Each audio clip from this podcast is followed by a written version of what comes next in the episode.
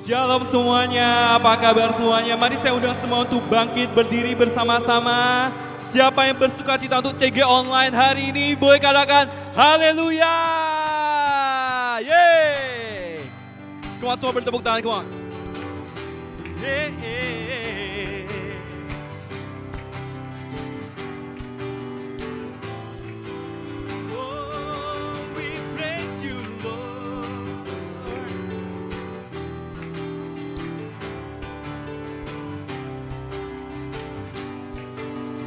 Katakan sama-sama begitu besar kasih, come on. Begitu besar kasih. Tak tercurah bagi dunia. Karyamu kasihmu yang termulia. Tiada tiada terselami. Besaran aja perbuatanmu. Kau beri hidupmu bagi diriku God tiada yang sepertimu. Kau berkuasa selamanya. Ku puji kau selalu. Semua. Oh betapa dalamnya betapa lebar betapa lebarnya. Kasih setiamu. Oh, oh dan oh tiada bandingannya tiada duanya tiada seperti kau siapa? Yesus Tuhanku. Wow semua sama-sama. Wow wow. Begitu besar kasih begitu besar kasih. Tak tercurah bagi dunia karyamu kasihmu yang termulia. Yes God. Amin besaran aja perbuatanmu. Kau beri hidupmu bagi diriku. Yes God. Tiada yang sepertimu kau berkuasa selamanya. Ku puji kau selalu semua. Oh betapa dalamnya betapa lebarnya kasih setiamu oh, oh dan oh tiada bandingannya tiada duanya tiada setika siapa? Yesus Tuhanku. Anugerahmu selalu baru. Tiada berkesudahan. Semua katakan oh betapa dalamnya. Betapa lebarnya kasih setiamu. Oh oh oh tiada bandingannya tiada duanya tiada seperti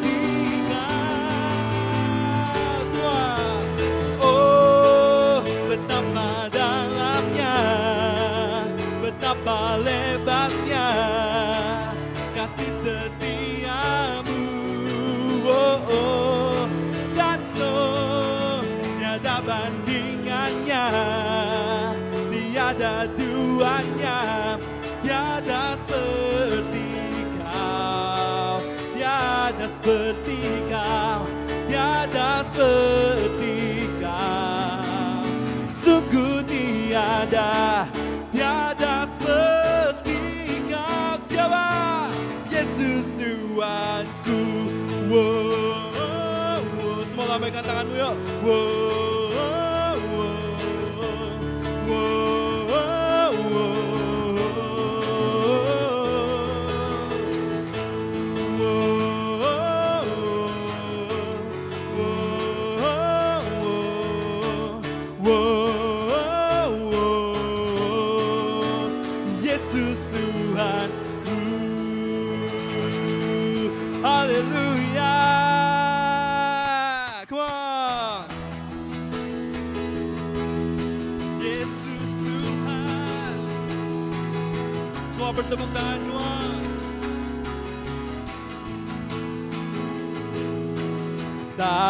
pernah ku ragu akan kesetiaanmu.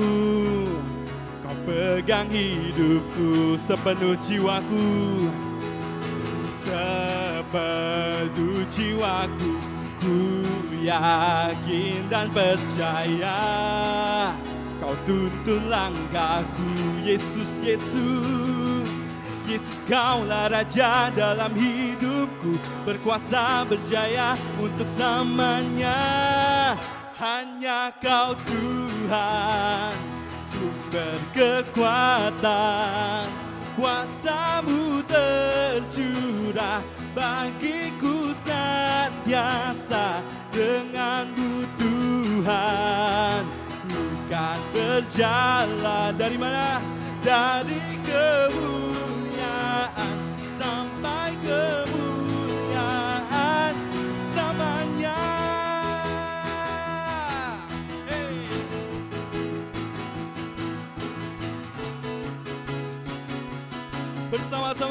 katakan tak pernah ku ragu. Tak pernah ku ragu akan kesetiaanmu kau pegang, kau pegang hidupku sepenuh jiwaku, penuh jiwaku. Ku yakin dan percaya kau tuntun langkahku. Panggil namanya, come on. Yesus kaulah Raja dalam hidupku. Berkuasa berjaya untuk selamanya Hanya kau Tuhan Sumber kekuatan. Semua Kuasamu tercurah. Bagiku senantiasa Denganmu Tuhan. Bukan berjalan. Dari mana? Dari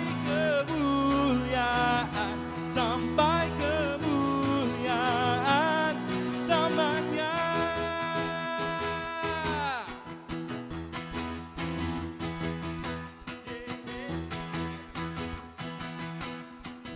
Katakan Yesus kaulah, Yesus kaulah Raja dalam hidupku. Berkuasa berjaya untuk selamanya. Yesus kaulah Raja dalam hidupku Berkuasa berjaya untuk selamanya. Hanya kau Tuhan Sumber kekuatan kuasamu Samu tercurah. Bagiku senantiasa Denganmu Tuhan. Ku kan berjalan dari mana dari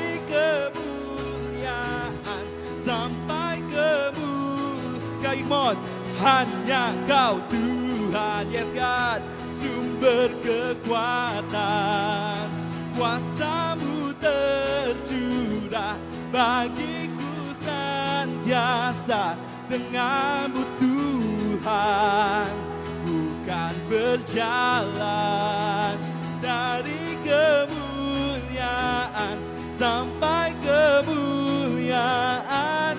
selamanya.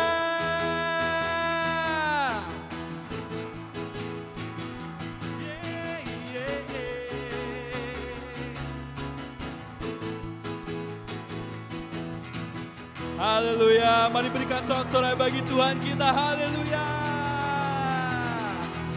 Yes God. Semua bersuka cita di tempat ini, amin. Di tempat kalian masing-masing, amin. Yeah.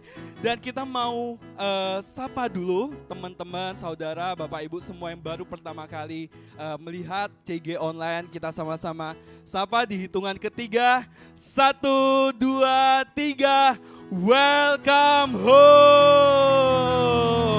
Yeah. Oke. Dan sebentar kita akan mendengarkan kesaksian dari Coach Margono dan Coach Noni. Eh, waktu dan tempat saya persilahkan, silakan.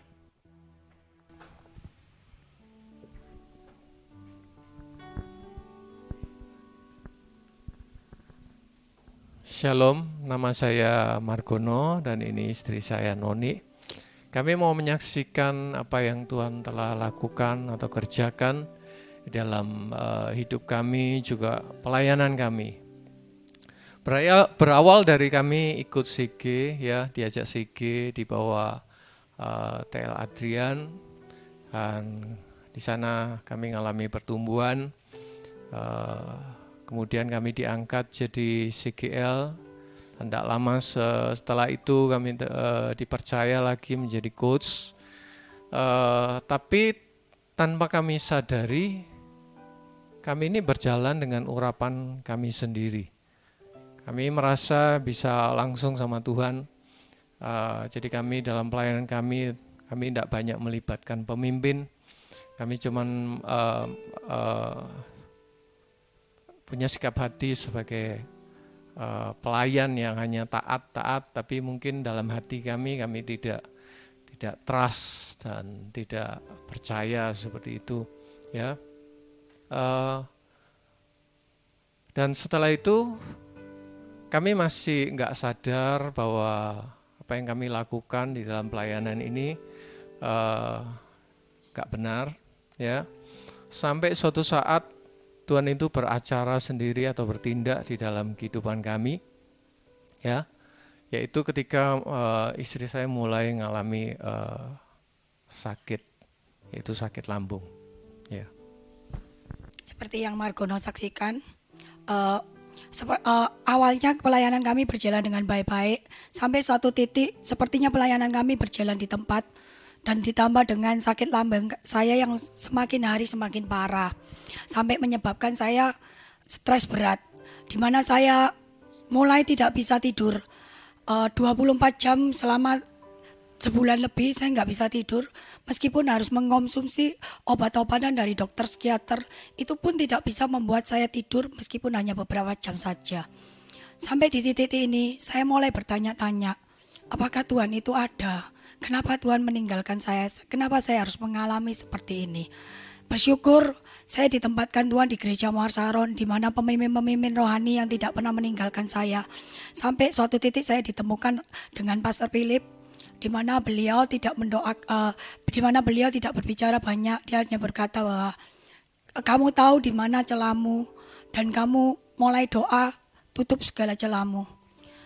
Di perjalanan pulang ke rumah itu, saya baru sadar bahwa meskipun selama saya sakit, meskipun saya ini membaca firman setiap hari, tapi saya baru sadar bahwa saya tidak pernah berkomunikasi lagi dengan Tuhan.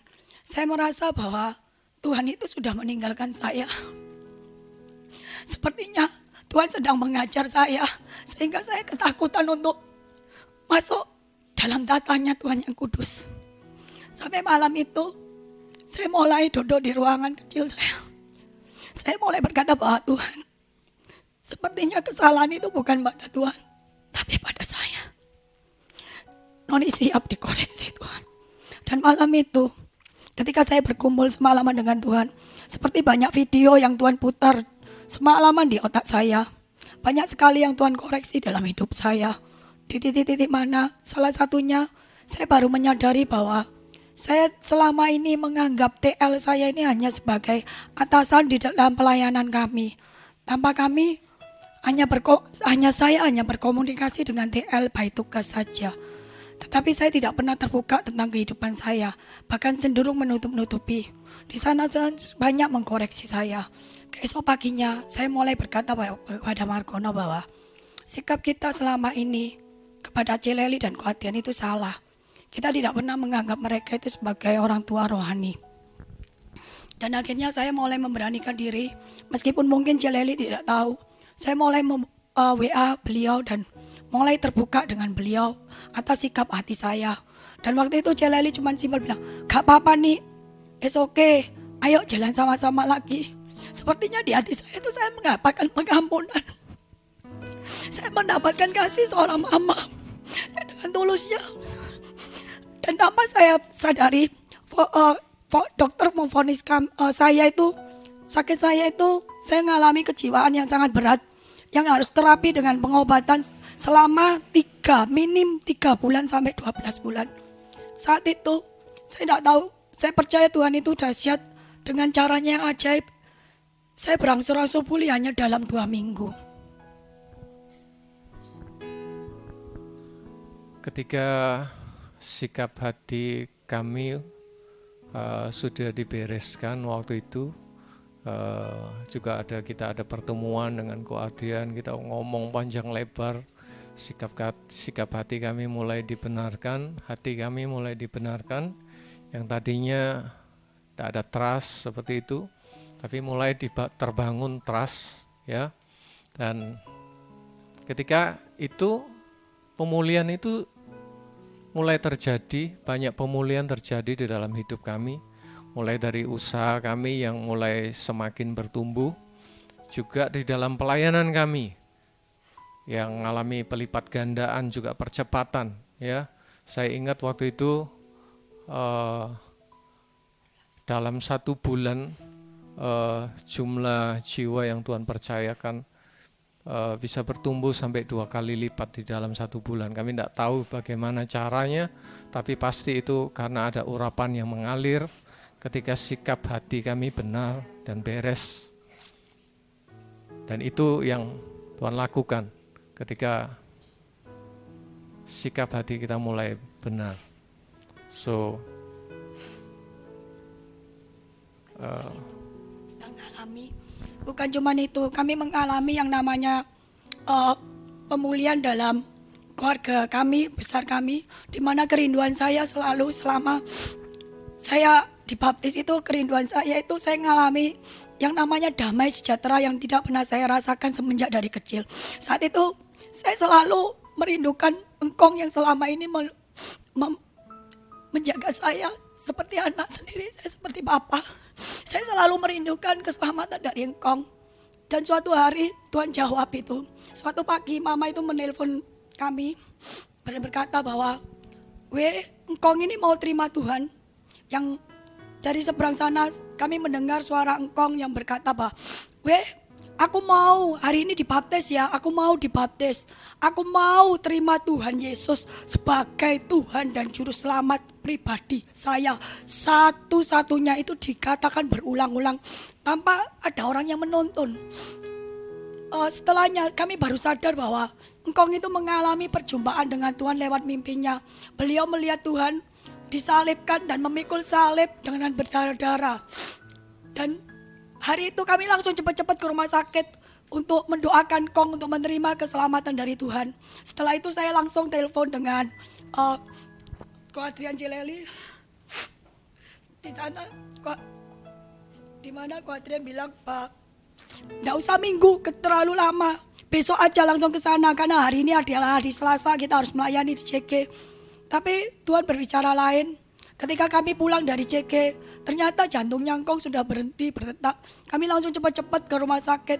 Saat itu saya melihat uh, alat pengejut jantung itu di, dilontarkan di tubuh engkong berkali-kali itu membuat saya hampir mau pingsan. Tapi di hati saya, saya merema lagu bahwa Bapak itu setia. Bapak itu setia. Saya secure, saya merasa aman, saya percaya bahwa engkong sudah ada di tangan Tuhan yang di tangan Tuhan. Dan setelahnya tidak berapa lama, Ko Adrian datang ke tempat itu, tapi Engkong sudah dikirim ke, rumah, uh, ke ruang ICU. Di mana setelah kami berunding, saya memutuskan uh, bicara dengan para dokternya, kami memutuskan untuk ke ruang ICU untuk mendoakan Kong terakhir kali. Di sana saya melihat seperti kerinduan saya selama ini bahwa kalau bisa saya ingin melihat engkau saya dibaptis di depan mata saya, di depan mata saya. Di sana saya melihat engkau dibaptis di depan mata saya. Tidak berapa lama setelah aku Adrian pulang. Tidak perlu berlama-lama. Dalam 45 menit engkau itu sudah ada. Yang se sebetulnya dari perkiraan kami bahwa engkau itu selama hidupnya beliau adalah orang yang yang tidak berken, uh, banyak melakukan kejahatan di mata Tuhan. Dan mustahil sekali engkong itu bisa menerima Tuhan karena engkong adalah ketua di, di agamanya ketua di yayasan di agamanya. Jadi menolak Kristen uh, menolak untuk menerima Tuhan Yesus. Kami merasa bahwa ini sesuatu yang benar-benar Tuhan lakukan kebaikan, mujizat yang Tuhan lakukan dalam kehidupan kami. Ya, itu kebaikan Tuhan yang Tuhan lakukan dalam hidup kami. Tuhan banyak pulihkan, Tuhan jamah engkongnya, selamatkan. So, saya ajak kita semua, ayo punya sikap hati yang benar, uh, sikap hati sebagai anak kepada orang tua rohani yang Tuhan taruh, yang Tuhan percayakan. Supaya apa? Supaya segala pemulihan yang Tuhan sediakan, segala berkat yang Tuhan sediakan itu bisa mengalir secara utuh dalam hidup setiap kita. Tuhan Yesus memberkati. Sekali lagi buat Coach Margono dan Coach Sony. Wow, Tuhan kita luar biasa setia, luar biasa baik. Amin. Waktu kalau kalau kita renungkan, kalau kita bayangkan sejak kita submit hidup kita ke Tuhan, sejak kita submit hidup kita ke pemimpin juga, banyak hal yang mungkin di luar nalar kita, di luar bayangan kita, Tuhan boleh sediakan atas hidup kita. Amen. Dan wow, Tuhan begitu setia atas hidup setiap kita. Amin. Ya. Mari kita naikkan syukur kita sekali lagi. Kita naikkan syukur dia begitu setia atas hidup setiap kita.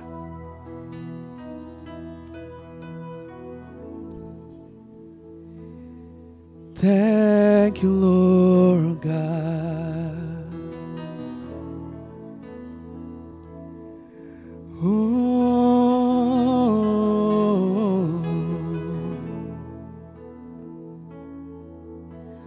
Bapa, kau setia.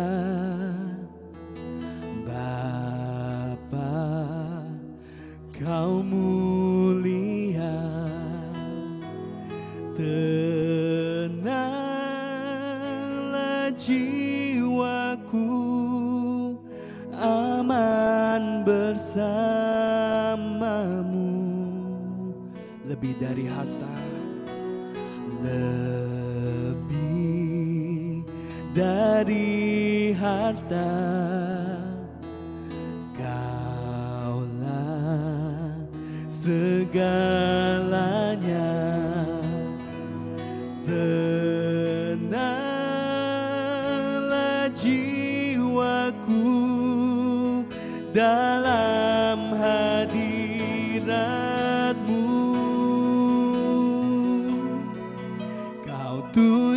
tunjukkan kasih setiamu. Kau menyediakan yang ku perlu. Kau setia, kau mulia. Dulu, sekarang, dan selamanya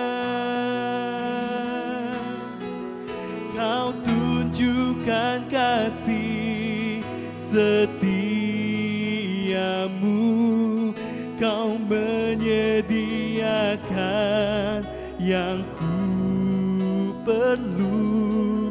Kau setia, kau mulia. Bapa kau setia. Kau Bapa yang setia.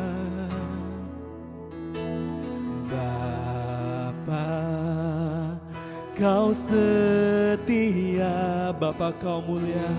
Bapa kau mulia. Tenanglah. Tenanglah jiwaku. Aman bersamamu. Lebih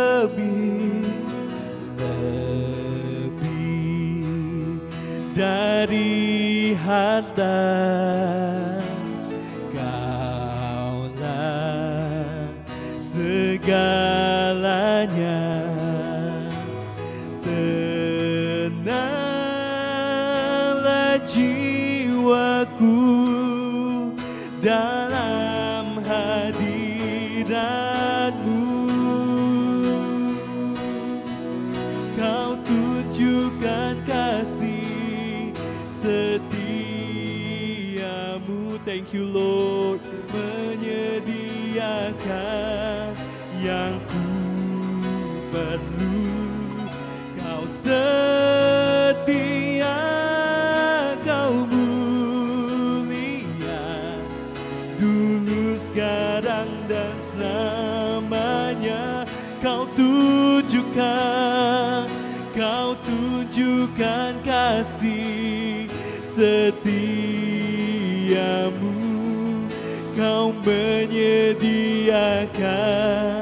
yang ku perlu.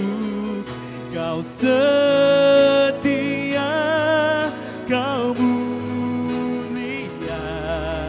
Bapa kau setia Mari saya undang semua untuk bangkit berdiri bersama-sama.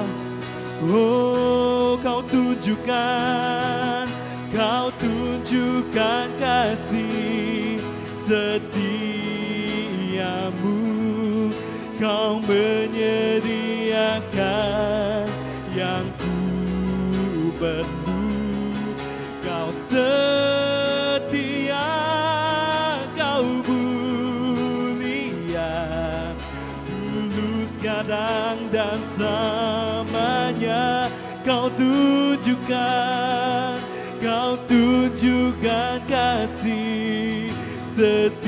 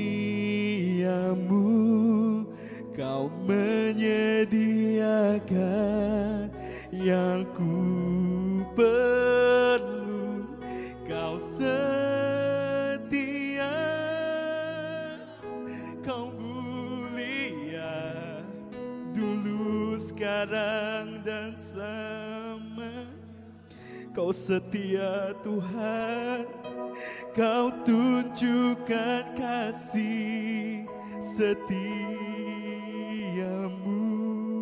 Kau menyediakan yang ku perlu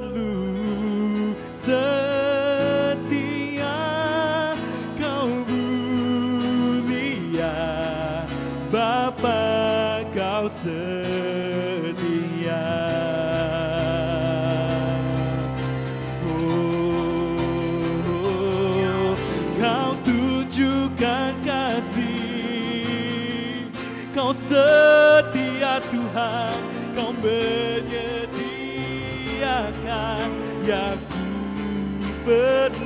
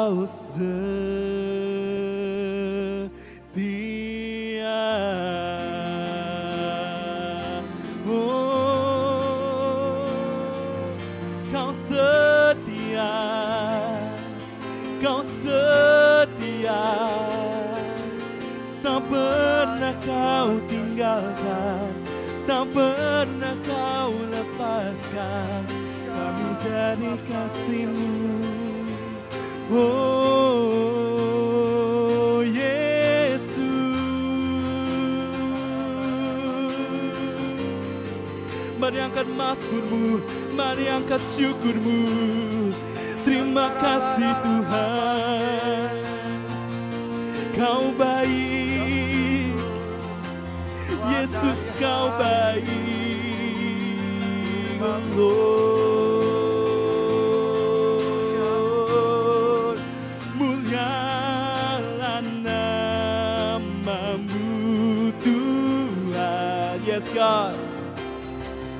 但那家将来。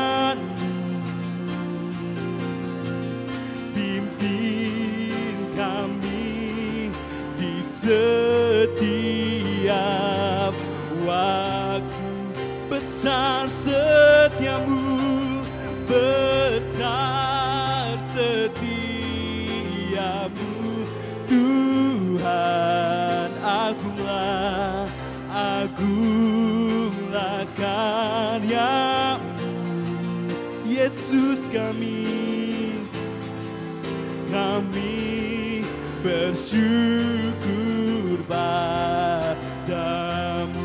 Mari saudara semua tuh angkat tangan kita bersama-sama come on.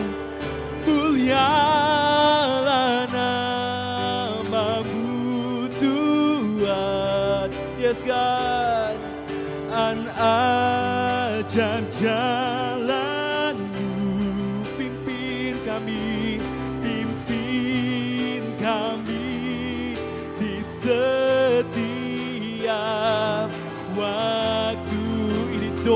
kami Tuhan oh besar setiamu Tuhan. Agunglah karyamu Yesus Yesus kami. Bersyukur padamu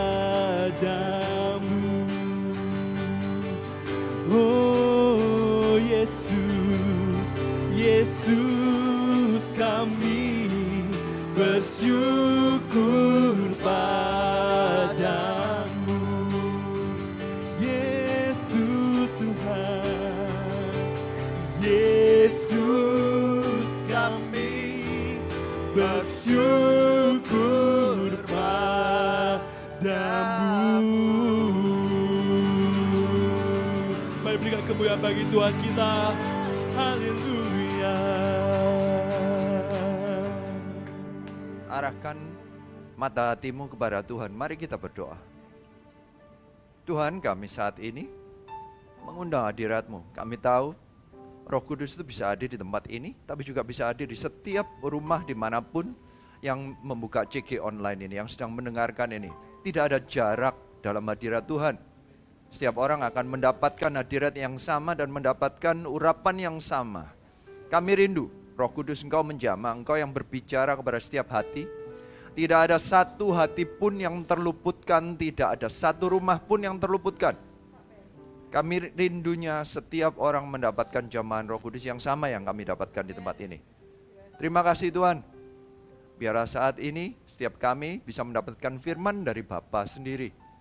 Roh Kudus yang berbicara setiap kesaksian, setiap firman, setiap pujian kami ini punya arti yang spesifik bagi setiap hati yang ada yang mendengarkan CG online ini. Terima kasih Tuhan.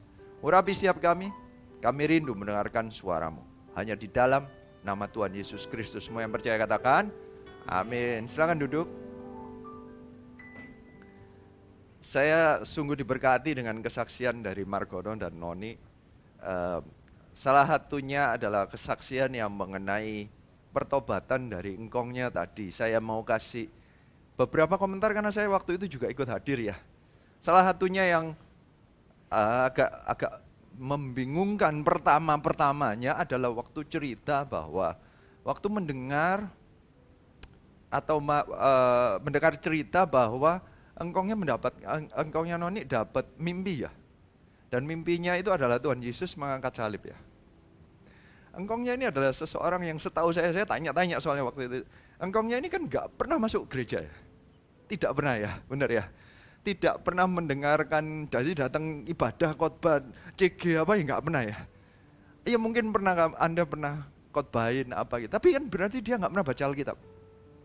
Ini seumur hidup sampai umurnya itu umur 70-an, 70-an ya, 70-an ya. Tidak pernah baca Alkitab masuk gereja. Herannya kok dia bisa tahu mengenai salib? Kok dia bisa, itu kan ayatnya Tuhan Yesus yang waktu menuju Golgota mak, mak, mikul salib ya benar ya. Itu kok bisa? Ini kalau nggak mimpi dari Tuhan, nggak mungkin benar ya. Ini kan seseorang yang nggak pernah baca Alkitab tiba-tiba dapat mimpi itu jelas dari Roh Kudus. Cuman pertanyaan saya gini, kalau ya kalau anda dapat mimpi dari Tuhan ya ini saya anggap orang yang sama sekali nggak percaya. Ini orang yang bahkan posisinya itu pemimpin di agama lain ya. Pemimpin di agama lain yang jelas-jelasan dia berarti mengerti tata cara dan segala upacaranya yang di agama lain itu tiba-tiba dikasih satu mimpi dan berubah. Saya bingung sih pertamanya. Tapi akhirnya setelah itu kan saya tanya-tanya lagi sebenarnya salah satu tugasnya sebagai pemimpin itu apa? Uh, saya dengar ceritanya bahwa salah satu tugasnya adalah dia setiap kali adalah upacara-upacara yang penting-penting gitu ya. Dia harus membawa patung berhalanya yang dia sembah itu. Dia ini orang yang umurnya sudah cukup tua tapi badannya kuat sekali benar ya. Dia harus 90 70 sekian, 70 sekian. Dari umurnya 70-an itu dia itu kalau setiap kali upacara ibadahnya dia itu dia harus bawa patungnya. Dia yang bawa, benar ya? Dia bawa dari seluruh upacaranya dia yang bawa. Ini yang dia sembah. Waktu diceritain itu saya baru nangkep kenapa engkong ini berubah. Kenapa engkong ini bertobat dan minta dibaptis? Karena kayaknya gini loh, seumur hidupnya dia itu menyembah tapi kayak Tuhannya dia dia yang bawa dia dikasih mimpi yang sangat simpel dari Tuhan menurut saya kayak wow ini per, apa ya Pak ini penginjilan yang paling luar biasa ya Tuhan tahu hatinya setiap dia dia balik. Kalau Tuhan Yesus Tuhannya yang bawa salibnya. Semua dosanya engkong itu dibawa oleh Tuhan Yesus Kristus. Dia bawakan menceritakan bahwa di dalam mimpinya itu Tuhan Yesus berdarah-darah benar ya sampai ini kan orang yang kayak orang pernah lihat filmnya The Passion of Christ or something. Kayak ini kalau orang bukan orang Kristen nggak mungkin ngelihat ngelihat film-film yang kayak gitu. Berarti tiba-tiba Tuhan sendiri yang berkhotbah langsung menginjil langsung dibalik posisinya diomongin Allah itu adalah Allah yang hidup. Kau mau punya Tuhan yang hidup? Come follow me. Kayak begitu. Dia langsung bertobat dan dibaptis saat itu juga. Jadi malam harinya yang tadi diceritain bahwa sempat uh, flatline ya, tidak tidak ada jet, detak jantung lagi, tapi akhirnya dikejut dan akhirnya ada detak jantung lagi. Mungkin tadi ad, uh, jadi ada kesempatan masih meskipun koma ya, tapi nggak nggak nggak nggak bisa, uh, tapi ada nafas, masih ada hidup, tetapi sudah nggak bisa. Maka itu kita masuk dan akhirnya kita membaptis percik saat itu juga. Dan setelah selesai baptis percik, detak jantungnya hilang begitu aja dengan segala usaha nggak bisa kembali, benar ya? Dikasihin waktu, saya percaya itu salah satu kasih karunia-Nya. Begitu hati mereka benar, mujizat demi mujizat itu terjadi dalam kehidupannya. Tadi sempat Margono menjelaskan bahwa Anda pakai urapan sendiri. Menurut saya itu bukan urapan sendiri tapi kekuatan sendiri istilahnya mungkin.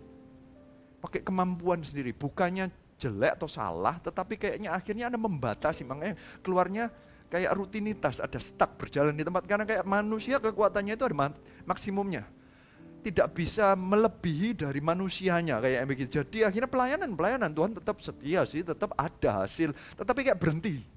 Satu titik kemampuan manusia itu ada batasnya. Jadi akhirnya kemampuan Tuhan tidak jalan dalam kehidupan Anda. Urapannya bukan urapan dari surga tapi pakai kemampuan diri sendiri. Baik, tetap melakukannya dengan baik dan setia. Tapi Hari ini makanya saya cuma mau berkata bahwa kita ini melayani boleh pakai kekuatan tentunya, tetapi Anda harus tahu bahwa saat Anda menyerahkan submit sebenarnya, baik kepada Tuhan maupun kepada atasan yang Tuhan taruh di atas di atasan kita, tiba-tiba urapan Allah itu turun dan kita kita ini melakukan sesuatu yang lebih dari yang manusia bisa lakukan. Sehingga mereka mengalami mujizat demi mujizat yang bukan karena kekuatan Anda sendiri. Sembuh dengan cepat, eh, CG-nya meningkat dengan cepat, bisnis dipulihkan, uh, bahkan sampai uh, engkong yang diselamatkan itu jelas-jelasan dari Tuhan sendiri. Itu semua keluarnya kalau dapat urapan yang dari surga. Sepertinya begitu. Hari ini saya itu mau mengajak kita bersama-sama belajar bagaimana kita punya sikap hati yang siap menerima urapan. Sikap hati yang istilah saya kata-katanya itu adalah secure, aman di hadapan Tuhan. Secure di hadapan Tuhan, secure in God, aman di hadapan Tuhan itu membuat kita tuh siap untuk menerima urapan. Bayangkan jika hatinya nggak siap, kemudian diberikan urapan. Seseorang yang hatinya nggak nggak siap atau nggak benar, salah satu sikap hati yang benar adalah submit kepada pemimpin itu tapi salah satunya itu tapi begitu Berarti waktu itu itu yang kurang dari ke, kehidupan kalian tetapi uh, nanti kita akan belajar dari Alkitab bagaimana sikap hati yang benar sehingga kita mendapatkan urapan yang benar. Saya mau kasih satu contoh ayat firman Tuhan seseorang yang mendapatkan urapan tapi sebenarnya sikap hatinya itu nggak benar. Orang ini adalah Raja Saul. Lalu menurut saya ada kelemahan-kelemahan dalam sikap hatinya dia mendapatkan urapan untuk menjadi raja. Saya ajak Anda baca di 1 Samuel 18 mulai dari ayat 8. Ini salah satu contohnya seseorang yang diberikan urapan. Urapan itu apa ya? Urapan itu memang kemampuan atau sepertinya kemampuan dari Tuhan yang dari surga sendiri sehingga seseorang jika di posisi yang mendapatkan urapan ini nanti dia bisa me, me, sepertinya memultiplikasikan memperbanyak efek dari kehidupannya. Bayangin kalau dari kehidupannya ada sesuatu yang nggak benar, berarti yang dimultiplikasikan sesuatu yang jelek. Ini yang terjadi, seseorang yang menurut saya ada masih yang hatinya ada yang nggak benar, urapannya Tuhan tetap setia, dia ditunjuk jadi raja, dijadiin. Makanya ada urapannya, tapi yang terjadi kayak begini nih orang yang nggak benar nih hatinya. Lalu bangkitlah amarah, di dalam hatinya masih ada amarah. Amarah Saul dengan sangat dan perkataannya itu kata-kata ini menyebalkan hatinya. Sebab pikirnya kepada Daud diperhitungkan mereka berlaksa-laksa. Tetapi kepada aku diperhitungkan beribu-ribu. Akhir akhir-akhirnya jabatan raja itu pula itu pun jatuh kepadanya. Sejak hari itu maka Saul selalu mendengki Daud. Tiba-tiba kayak gara-gara dia itu nggak secure di hadapan Tuhan. Saul itu tiba-tiba noleh-noleh ngelihat ada orang yang dipuji lebih. Daud itu posisinya waktu itu mantu kalau nggak salah waktu itu posisinya. Jadi maksudnya mantu itu menikah dengan anaknya Saul. Tapi kalau secara organisasi jenderal ya bukan, paling kepala seribu dia. Kepala seribu sama raja itu jauh. Tapi cuman gara-gara lagu loh. Ini lagu ada yang memuji, memuji Daud, lagu atau mungkin zaman sekarang mungkin Instagram ada istilah like apa whatever gitu ya. Itu tapi yang seorang Saul itu bisa kayak banding-bandingin. Kamu dapat like berapa? Kamu dapat like berapa? Gitu kayak. Daud itu ditanya, wah di apa stalking gitu ya. ya jadi Instagramnya Daud di stalking sama Saul Hah, like-nya lebih banyak, berlaksa-laksa. Saya kok cuma beribu-ribu. Lama-lama dia yang jadi raja. Tiba-tiba ada rasa dengki, iri. Tiba-tiba Daud dimarah-marahin tanpa alasan. Powernya tuh akhirnya tahu kejadian dari sini tuh Pak. Tentaranya dipakai bukan untuk melawan Filistin yang musuhnya Israel, tapi dipakai untuk ngejar Daud. Yang anak buahnya sendiri. Tiba-tiba, makanya mungkin kalau di JG ada perpecahan ada pertengkaran antar anggota. Apakah gara-gara itu atau gara-gara nggak secure ya dalam hati ya? Ada sesuatu yang ada di dalam hatinya Saul ini ada sesuatu yang nggak secure. Dia merasa bahwa dia jadi raja itu kurang kalau nggak ditambah dengan pujiannya rakyatnya. Dia nggak nggak merasa cukup bahwa Allah menunjuk melalui hamba Tuhannya bahwa engkau raja dan diurapi itu kayaknya kurang gitu loh masih. Jadi pujiannya Tuhan dan tunjukan Tuhan dan kayak um, urapan dan tumpang tangan dari para pemimpinnya itu kurang gitu loh. Kayak kayak dia masih minta lebih, masih ada itu namanya nggak secure kayaknya. Kayak selalu di akhirnya kalau orang nggak secure itu efeknya ke mana-mana. Bisa kayak Saul ini tiba-tiba dia isi, aduh Saul itu parah, itu dia kalau dia tuh menyedot, artinya dia nuntut semua anak buahnya. Dia rada uh, apa ya, diskriminatif. Kayaknya semua yang jenderal-jenderalnya, Saul itu raja atas 12 suku, tapi sekeliling dia itu yang jenderal-jenderalnya cuma dari suku Benyamin. Dia orang yang sangat diskriminatif. Kalau Anda menjadi pemimpin atau yang nggak secure, nanti lihat CG-nya orang-orang yang dikasih kesempatan itu hanya orang-orang yang mirip-mirip itu-itu aja kayak yang kayak ya satu suku orang-orang yang mungkin menjilat dia dalam tanda kutip atau gimana. Kalau enggak udah marah-marahin habis-habisan. Dia tipe orang yang sangat amat petty kelihatannya, petty tapi kecil, uh, spiteful, sangat jelek banget deh sebagai pemimpin. Makanya kadang di JG banyak pertengkaran mungkin mungkin gara-gara ada insecurity di, di hadapan Tuhan. Bukan hanya itu, ada orang-orang yang sebenarnya tujuannya baik. Dia berdoa-berdoa, Tuhan urapi aku biar aku bisa dipakai lebih. Mungkin ini saatnya, kalau engkau dipakai lebih hatimu belum siap, belum secure. Gimana caranya urapannya diturunin sama Tuhan? Tuhan tahu efeknya kalau engkau nanti diperbanyak, dimultiplikasi efek kehidupanmu, nanti keluarnya kayak Saul nanti mungkin. Makanya hari ini kita belajar untuk punya sikap hati yang secure, punya sikap hati di mana kita itu siap diurapi. Siapa yang mau untuk diurapi Tuhan? Saya, ya, ya, ya angkat tangan yang mau ya. Saya percaya yang di luar sana, Anda mau juga diurapi Tuhan. Saya rindunya Anda semua juga diurapi Tuhan. Oleh karena itu, ayo kita kita belajar bersama-sama. Uh, bagaimana kita menyiapkan hati kita untuk siap diurapi dan dipakai Tuhan lebih-lebih lagi. Melebihi dari kebatas kemampuan kekuatan kita. Saya mau ajak Anda belajar untuk dari seseorang yang sangat diurapi Tuhan. Saya ngambil yang ultimate aja. Orang yang paling diurapi Tuhan, Tuhan Yesus, benar gak? Tuhan Yesus itu yang memberikan contoh kepada kita bagaimana punya sikap hati untuk diurapi. Bahkan namanya Yesus Kristus. Kristus itu sebenarnya artinya yang diurapi. Berarti diurapi yang the, yang diurapi yang satu-satu yang diurapi yang dengan urapan yang paling tinggi itu adalah Tuhan Yesus. Gimana caranya Allah Bapa di surga dan Tuhan Yesus menyiapkan hatinya dan dirinya untuk diurapi, untuk di dalam pelayanannya sehingga pelayanannya impactnya sampai sekarang. 2000 tahun setelah Tuhan Yesus selesai masih ada impactnya. Itu impact yang luar biasa. Bagaimana caranya? Saya aja anda lihat ini loh. Setelah Tuhan Yesus sampai umur 30 baru diurapi dan dimulai pelayanannya. Kayaknya di kayak Tuhan itu pun ada masa persiapannya. Apalagi kita kita yang mau melayani Tuhan dengan yang segala kelemahan dan semua nggak ada yang sempurna sih. Dengan segala kelemahan kita kita sewajarnya kalau kita bersiap-siap. Ini salah satu saatnya. Ini Tuhan kayak diurapi mulai di dikasihin posisi atau dikasihin jabatan dikasih job description job description itu adalah waktu Tuhan Yesus dibaptis. Saya aja anda lihat ya. Matius 3 ayat 16 ini sesudah dibaptis. Sesudah dibaptis Yesus keluar dari air dan waktu itu juga langit terbuka dan ia melihat roh Allah seperti burung merpati turun ke atasnya Lalu terdengar dari suara dari surga yang mengatakan, inilah anakku yang kukasih kepadanya lah aku berkenan. Ini saatnya Tuhan Yesus kayaknya dikasihin meterai bahwa ya ini ini saatnya, ini anakku nih, ini ini ada posisi, ada jabatan bagi Tuhan Yesus sebelumnya belum ada, belum ada yang tahu, belum diumumkan saatnya. Jadi ini kayak Tuhan punya mulai Tuhan Yesus saat itu mulai ada posisi saatnya. Begitu dibaptis, tahu nggak setelah dibaptis apa yang terjadi? Tuhan Yesus masuk pencobaan anda jangan bingung kalau setelah Anda mendapatkan posisi, kalau dicobai. ada tekanan atau ada pencobaan. Uh, it's natural Tuhan Yesus aja kayak begitu. Ini Matius 4 ayat 1. Itu persis sesudah ada uh, apa baptisan sesudah diurapi itu terjadinya begini. Maka Yesus dibawa oleh roh ke padang gurun untuk dicobai iblis.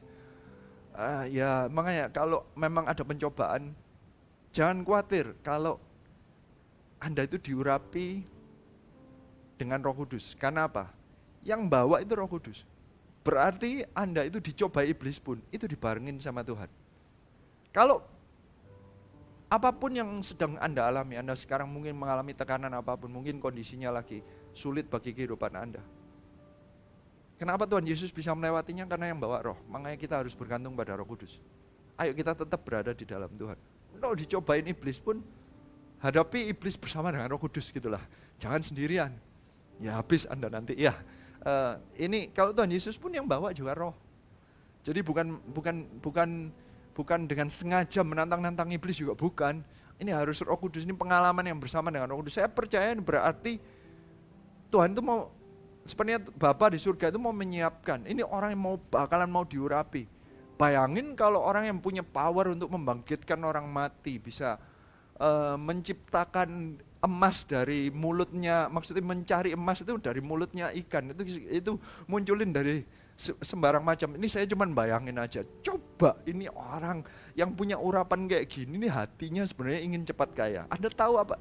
Anda tahu nggak ini orang ini bakalan kayak apa? Pasti dia cuma hidupnya itu dekat di, di danau, tapi dia ngomong saya bikin uh, apa? tambang emas. Ada ngerti ya? Bikin PT tambang emas tapi dia nangkep ikan. Ada ngerti? Karena setiap ikannya ada ada emas dua keping emas dua keping emas. Dia tinggal nangkep ikan, jual ikannya, jual emasnya. Satu ikan itu dua keping emas. Bayangin mahalnya kayak apa? Itu itu menciptakan sesuatu dari Terus caranya nangkep emasnya gimana? Ya satu aja kapal, soalnya setiap kali kapal keluar 153 ikan. Anda ngerti maksud saya? Dari di, di zaman apa pun, malam, pagi, siang dia cuma ngomong, ayo tebarin ke kanan dapat 153. Itu kali dua, berapa itu? 200, 306 keping emas, nggak tahu itu itu sekali top, tebar dia punya lima hitung hitungan terus itu bayangin ya kalau ini hatinya sih nggak benar, dikasih urapan kayak gitu, jadi apa? Pelayanannya jadi apa? Nanti alasannya kita harus mem, apa, membasmi kemiskinan, whatever lah, alasannya apa aja lah. Tapi bisa-bisa dia tidak memakai urapannya untuk visi kerajaan Allah. Atau kalau ngomong dia mau, uh, dia bisa menyembuhkan nih. Dia datengin semua orang yang paling kaya, dia datengin sembuhin anaknya, semua kekayaan dikasih ke dia lah. Itu uh, Paulus itu pernah menyembuhkan seseorang yang sakit di pulau. Eh, saya lupa nama pulaunya. Salah satu governor dari pulau, iya saya lupa nama pulaunya. Itu dia sembuhkan langsung biayanya Paulus itu dibayarin sama governor itu. Nyembuhin aja orang yang sakit. Dia tinggal nyari orang kaya, orang terkenal, orang powerful, disembuhin aja Yesus jadi raja deh. Rajanya benar-benar raja, kekaya. Dia bisa jalan di atas air, dia mau ke mana-mana jalan. Nyembuhin orang sakit ke sini, dia jadi raja di mana-mana. Siapa yang nggak mau? Nggak usah bayar teks, kok aku yang ngasih kamu makan, aku yang nggak usah lah, kamu emas bisa aku yang menciptakan. Itu jadi hancur deh dunia kalau Anda punya urapan seperti Tuhan Yesus. Tapi banyak di antara kita, Tuhan pakai aku seperti Tuhan Yesus. Sebentar, hatimu seperti Tuhan Yesus enggak. Kalau enggak kamu bisa enggak? Will you abuse? Kalau enggak Anda akan abuse itu memakai dengan tidak selayaknya power yang Tuhan menyalahgunakan power urapan yang begitu sebenarnya mulia. Tuhan Yesus punya power yang begitu luar biasa. Makanya sebelum dia mendapat, sebelum dia menjalankan semua urapannya, sepertinya ada tes hatinya. Kalau Anda lulus ini saya percaya Tuhan akan pakai Oh saya saya rindu kalian dipakai semua yang ada di tempat ini maupun yang siapa pun yang mendengarkan Anda dipakai dengan luar biasa. Bahkan Alkitab Anda dipakai tujuh kali lipat lebih hebat dari Tuhan Yesus. Tapi hati Anda harus paling tidak kita meniru hatinya Tuhan Yesus Kristus juga.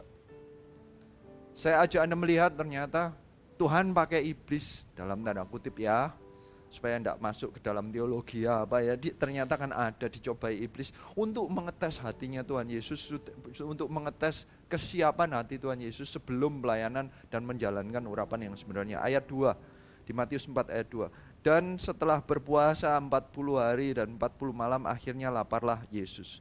Kadang kalau kita tahu kita mau menghadapi sesuatu wajar kalau tadi yang saya ngomong kita harus membawa Roh Kudus masuk. Tuhan Yesus berpuasa, dia tahu. Even Tuhan Yesus aja berpuasa. Apalagi kita, kalau kita mau menghadapi uh, pencobaan, bukannya sewajarnya kalau kita berpuasa minta ke, kekuatan yang lebih lagi dari Tuhan. Tapi kadang kita ada yang mau pelayanan pun doa aja enggak gitu kayaknya. Kayak merasa bahwa kemampuan kita cukup. Enggak lah. We cannot do anything without the Holy Spirit. Kita harus akui itu. Tuhan Yesus saja mengakui, apalagi kita. Ayo kita belajar dari Tuhan Yesus. Kalau Tuhan Yesus dengan roh dan berpuasa, apalagi kita. Kita harus bergantung pada roh kudus, kita harus dengan sengaja berdoa dan minta tambahan kekuatan. Supaya kita bisa melewatinya. Saya mau aja Anda melihat apa yang dites. Ada tiga tes yang benar-benar terjadi di tiga pertanyaan atau tiga tes yang dari uh, dari iblis ini kepada Tuhan Yesus. Saya ajak Anda melihat yang pertama, mulai dari ayat 3. Kata-katanya demikian. Lalu datanglah si pencoba itu dan berkata kepadanya, Jika engkau anak Allah, perintahkanlah supaya batu-batu ini menjadi roti. Tetapi sebentar, ayat 3 dulu ya. Jika engkau anak Allah, perintahkanlah supaya batu-batu ini menjadi roti. Ini pertanyaan apa? Uh, kalimat ini atau pertanyaan ini munculnya itu dari kata-kata jika engkau anak Allah. Sepertinya tadi Anda lihat per, uh, perkataan suara dari surga dari Bapak yang berkata, "Inilah anakku yang kukasihi." Kemudian yang ditanya langsung, "Jika engkau anak Allah." Ada tahu pertanyaan pertama dari iblis itu selalu adalah untuk memutuskan hubungan anak dengan Bapak selalu membuat kita itu ragu-ragu dengan posisi kita dan posisi antara kita dengan Tuhan. Kondisi kita ini kayak apa? Ada orang yang bertanya, kalau aku ini berdosa bisa nggak dipakai Tuhan? Itu salah satu cobaan iblis. Kamu itu lu nggak layak, kayak gitu. Selalu dilemparkan gitu. Kalau orang ditanya, ayo melayani lebih, ah nggak layak, aku nanti nggak bisa ini. Itu cobaan iblis, anda tahu nggak? Sama ini Tuhan Yesus baru diomongin, nggak tahu berapa lama puasanya 40 hari. Jadi 40 hari sebelumnya itu diomongin. Engkau anakku yang kukasih dari Bapak dengar sendiri dari itu dari surga. Habis itu sama iblis, kalau engkau anak Allah. Loh, bukan tinggal Anda percaya siapa? Bapak di surga, iblis. Uh, ada kadang kita itu selalu bertanya-tanya, saya ini bisa dipakai Tuhan enggak? Aku ini ya nggak tahu, aku ini bisa nggak jadi sponsor? Bisa nggak aku ini saya juga sering bertanya, bisa nggak aku jadi WL gitu enggak ya? Jadi itu itu kemampuan bukan masalah posisi ya. Uh, ini lain-lain, ini ini inside joke ya ini. Uh, kalau saya nyanyi Anda nggak ikut menyembah, bisa-bisa ya Anda kecilin suaranya nanti. Ini ini kalau kalau Tuhan Yesus itu dipertanyakan mengenai posisi posisi kita terhadap Bapak di surga tuh uh, kalau Bapak itu mau mendekatkan Bapak dengan anak, kalau iblis itu untuk menjauhkan, meretakkan, membuat tidak trust. Baru diomongin sudah mulai dimasukkan keraguan. Iblis itu nggak langsung nuduh kamu bukan enggak, langsung tahu lah kalau ketahuan. Ini jika engkau disuruh tanya, are you sure? Benar tak kamu? Bukan hanya itu sebenarnya. Kayak kalau jika kamu anak Allah itu kayak disuruh membuktikan. Kalau seseorang itu nggak secure di hadapan Tuhan, dia akan selalu membukti-buktikan. Ginilah kayak ini istilah saya, istilah saya. Kadang itu orang itu bisa langsung tahu namanya OKB ya, orang kaya baru ya. Karena biasanya flashy. flashy itu kayak apa ya? Kalau orang kaya lama itu enggak kelihatan. Mungkin pakai celana pendek, bajunya biasa-biasa, tapi rumahnya 10 gitu loh kayak gitu. Tapi orang kaya baru itu, baru punya gaji, duitnya dihabisin untuk pakai jam yang termahal, baju yang termahal, hanya untuk pamer gitu loh sama orang lain, untuk ngomong kayak Saul itu loh, aku ini berlaksa-laksa mestinya bukan beribu-ribu gitu loh kayak. Dia itu kayak mau pamer. Saul itu orang yang nggak nggak secure kayak orang kaya baru, jadi dia mau pamer kepada semua orang, butuh pujian dari orang lain dia nggak nggak bisa diomongin Tuhan ngomongin kamu raja itu kurang bagi dia. Kayak kalau bagi Tuhan Yesus cukup diomongin kamu anak itu cukup. Nggak perlu orang lain membuktikan. Mengetes pertama itu adalah tes mengenai kondisimu terhadap sekeliling dan anak buahmu. Sepertinya begitu. Kalau engkau anak Allah mestinya kamu bisa mengubahkan batu jadi roti. Batu jadi roti itu untuk menunjuk, menunjukkan kemampuan benar-benar kuasa apa enggak? Dan seperti apa ya? Batu enggak ada salah apa-apa tiba-tiba destiny-nya akan mesti menjadi batu. Tiba-tiba batu dimakan orang kan? Kalau roti kan dimakan. Itu kayak hanya untuk membuktikan bahwa dia adalah anak Allah. Jika ada seseorang yang tidak lulus dengan sikap hati yang pertama ini, itu posisi dia terhadap sekeliling dan bawahan. Jika hatinya nggak benar, bayangin apa yang terjadi. Hanya untuk membuktikan bahwa dia adalah seorang sponsor, dia akan paksa setiap orang panggil saya ya, co-sponsor gitu misalnya ya. Kalau engkau tidak uh, telepon saya dan lapor kondisimu setiap hari, kamu tidak lagi kok angkat jadi sponsi. Aku pecat engkau, enggak hanya untuk aku nih sponsor. Bayangin kalau CGL, kalau kamu nggak zoom, kamu nggak kelihatan di zoom.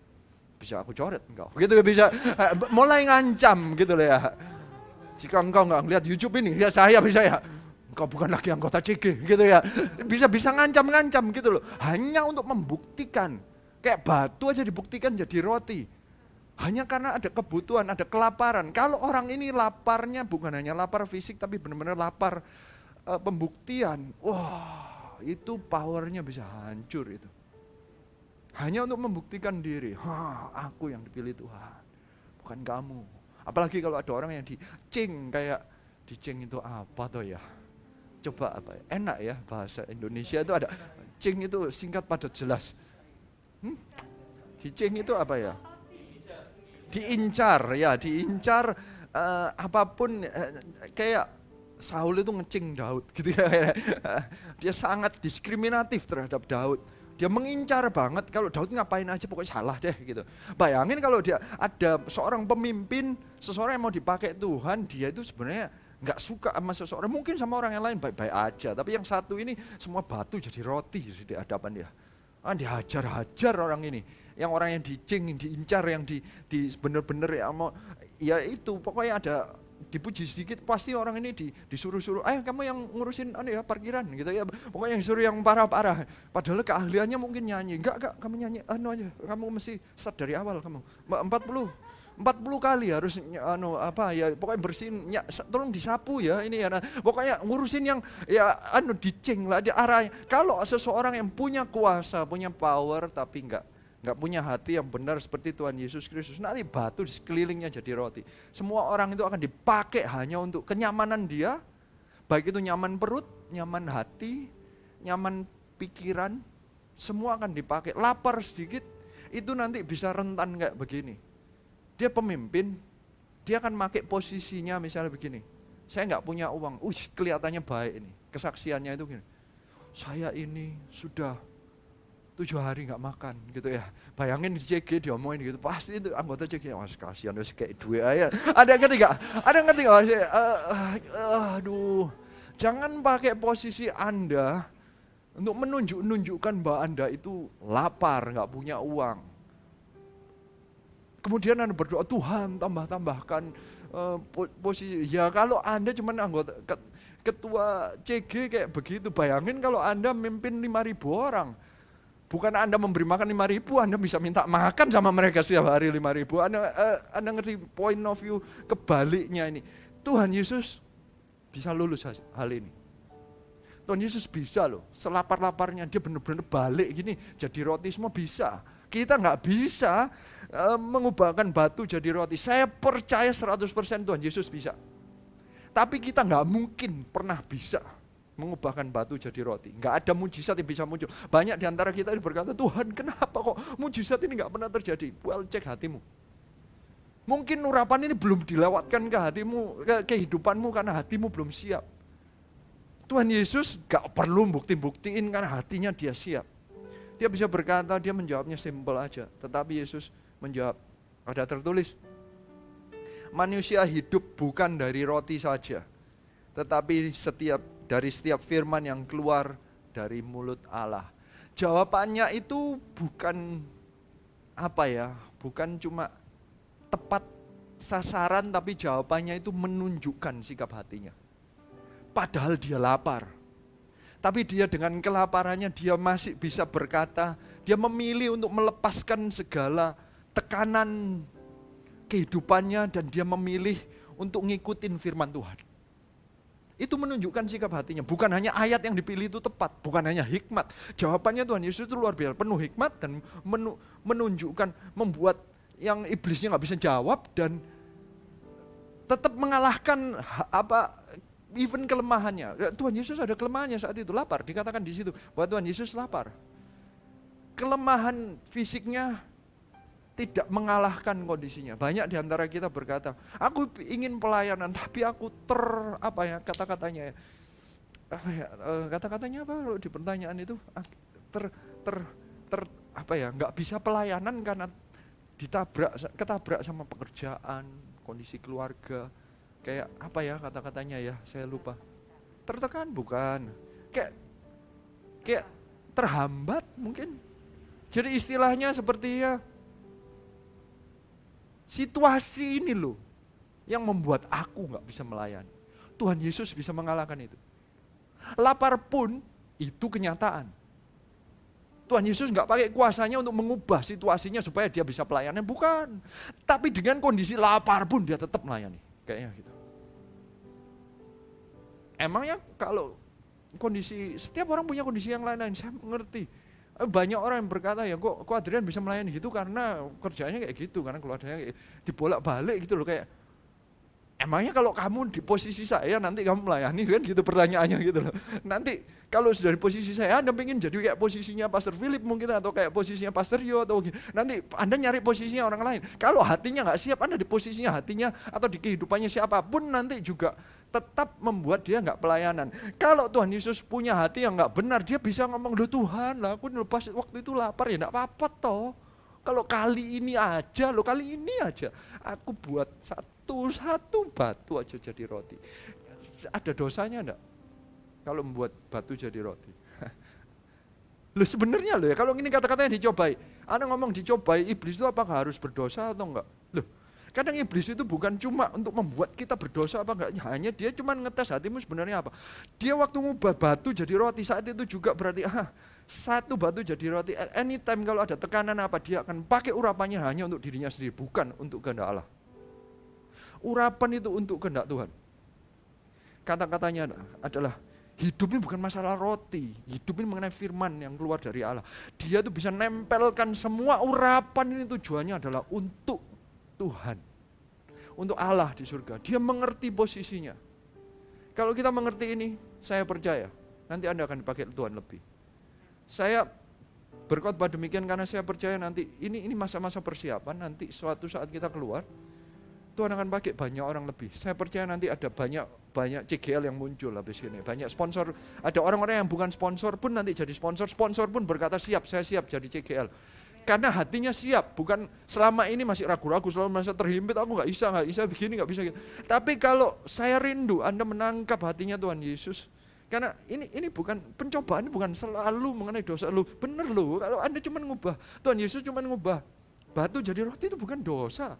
Tapi kelihatan hatinya. Nanti akhirnya itu akan dipakai sama iblis untuk hancurin di masa-masa depannya. Yang saya tadi ngomong ya, Tuhan Yesus mungkin nggak masuk nggak uh, akan ke atas kayu salib. Dia akan ngomong, ya aku akan buat semua orang bertobat dengan tak, tak kasih makan, tak kasih emas. Selesai. Tak sembuhin, free healthcare, ya toh, free free food, free free money. Everyone will, ya ya ya tak sembah aja Tuhan Yesus. Kalau simpel kan kasih aja peraturan gini. Ini jelek sekali ya teori saya ya.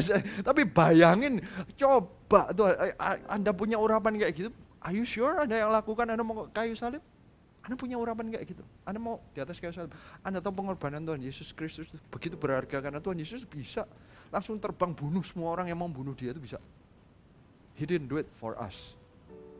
Dia nggak melakukan itu, nggak nggak abuse powernya, dia nggak ubah roti apa, batu jadi roti hanya demi kenyamanannya. Ini dia tidak berpegang kepada kenyamanannya. Dia tahu tujuan Allah apa dan dia tetap berpegang kepada tujuannya. Itu sikap yang pertama atau cobaan, pencobaan yang pertama. A test of power. Apakah kalau dia ditaruh di atas, kalau engkau jadi bapak, anak-anakmu engkau apakan, situasimu engkau apakan.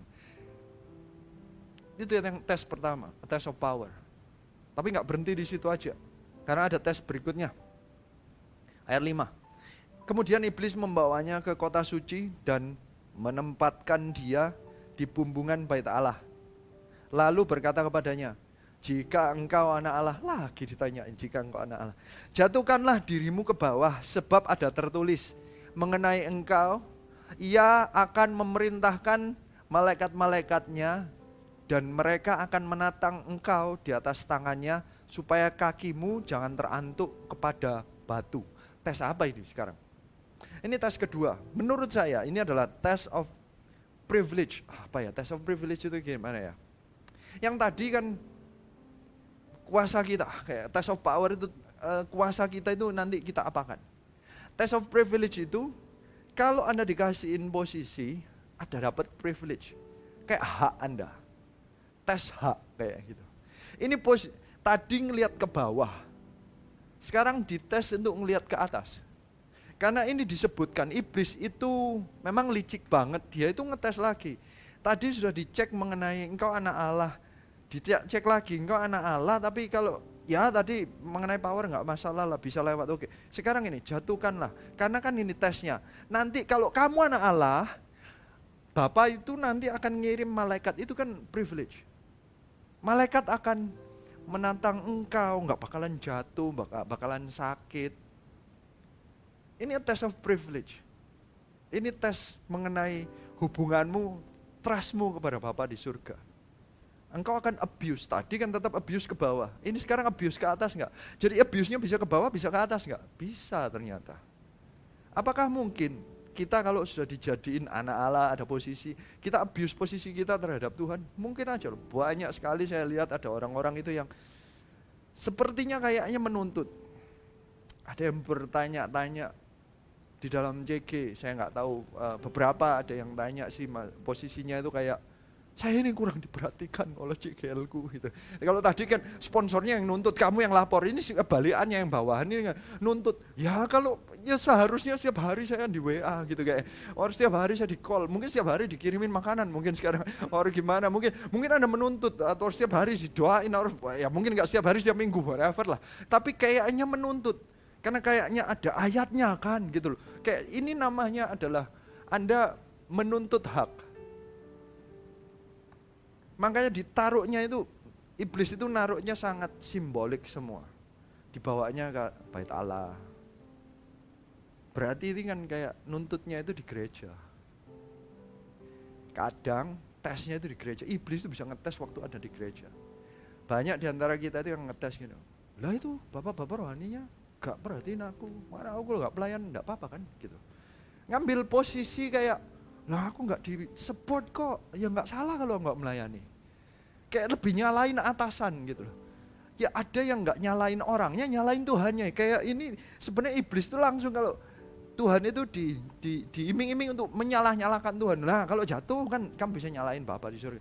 Kayaknya sebenarnya itu sedikitnya nonik juga rada kayak begitu ya. Anda berdoa-berdoa, Anda nggak dapat kesembuhan, Anda mulai nyalain Tuhan, bahkan Anda mulai bertanya-tanya, Tuhan itu sebenarnya ada atau tidak, benar ya?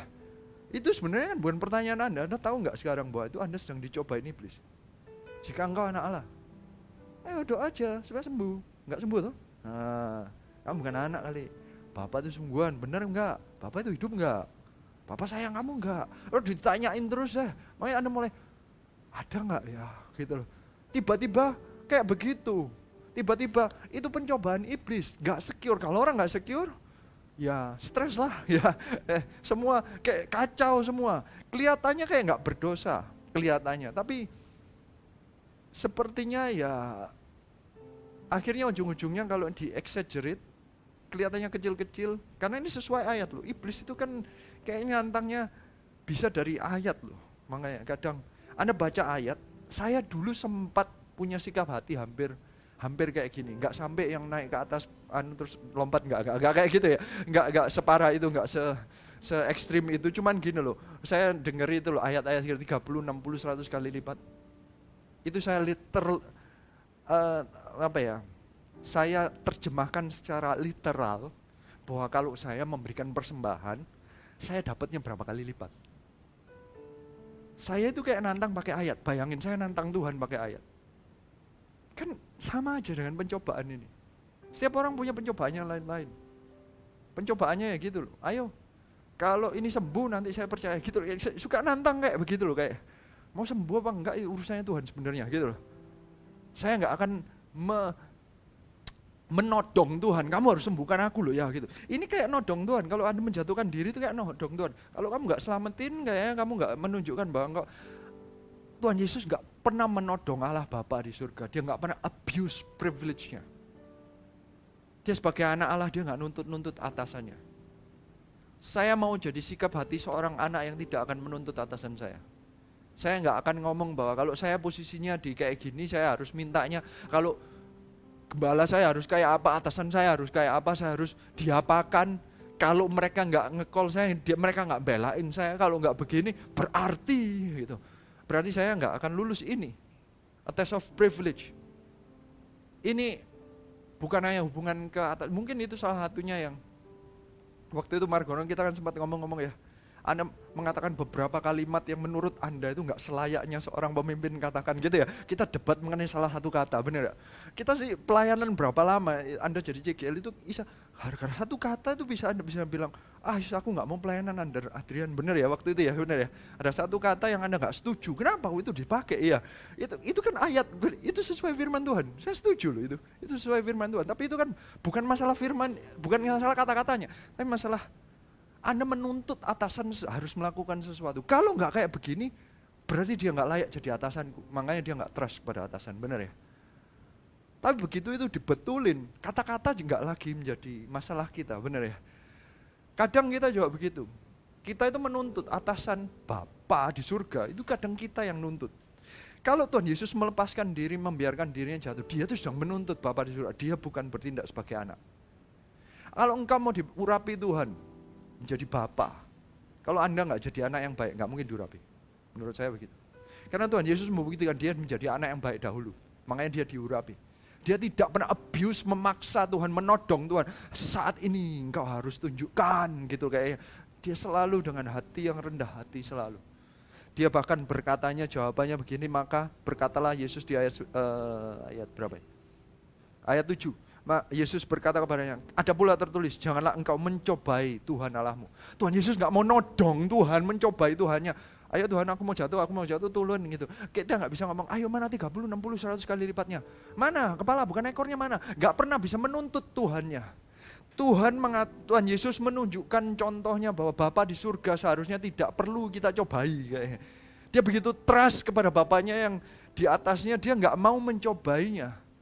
Saya rindunya kita juga punya sikap hati yang sama.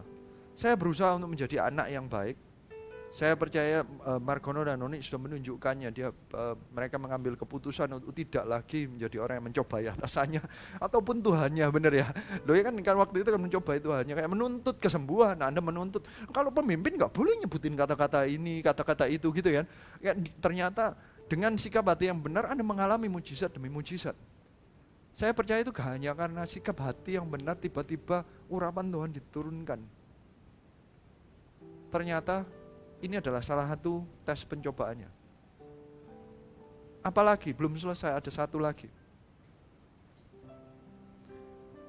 Ayat 8. Dan iblis membawanya pula ke atas gunung yang sangat tinggi dan memperlihatkan kepadanya semua kerajaan dunia dengan kemegahannya dan berkata kepadanya, semua itu akan kuberikan kepadamu.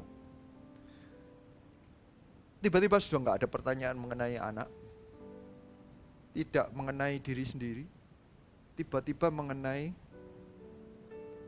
dunia, tiba-tiba mengenai kayak masa depan. Semua ini akan kuberikan, akan kuberikan kepadamu, jika engkau sujud menyembah aku. Saya langsung baca aja jawabannya Yesus. Maka berkatalah Yesus kepadanya, Enyahlah iblis sebab ada tertulis, engkau harus menyembah Tuhan Allahmu dan hanya kepada dia sajalah engkau berbakti. Tiba-tiba sepertinya Tuhan Yesus itu di tes yang ketiga itu mengenai end resultnya apa. Makanya saya itu selalu berusaha mengajak pentingnya kita punya visi yang benar dalam kehidupan kita. Tadi yang saya berkata bahwa tujuannya adalah kalau tujuannya adalah kemegahan, kalau tujuannya adalah raja di atas segala raja. Yesus adalah seseorang yang sangat tahu tujuan kehidupannya apa. Dia tahu bahwa tujuan kehidupannya adalah menjadi anak domba Allah.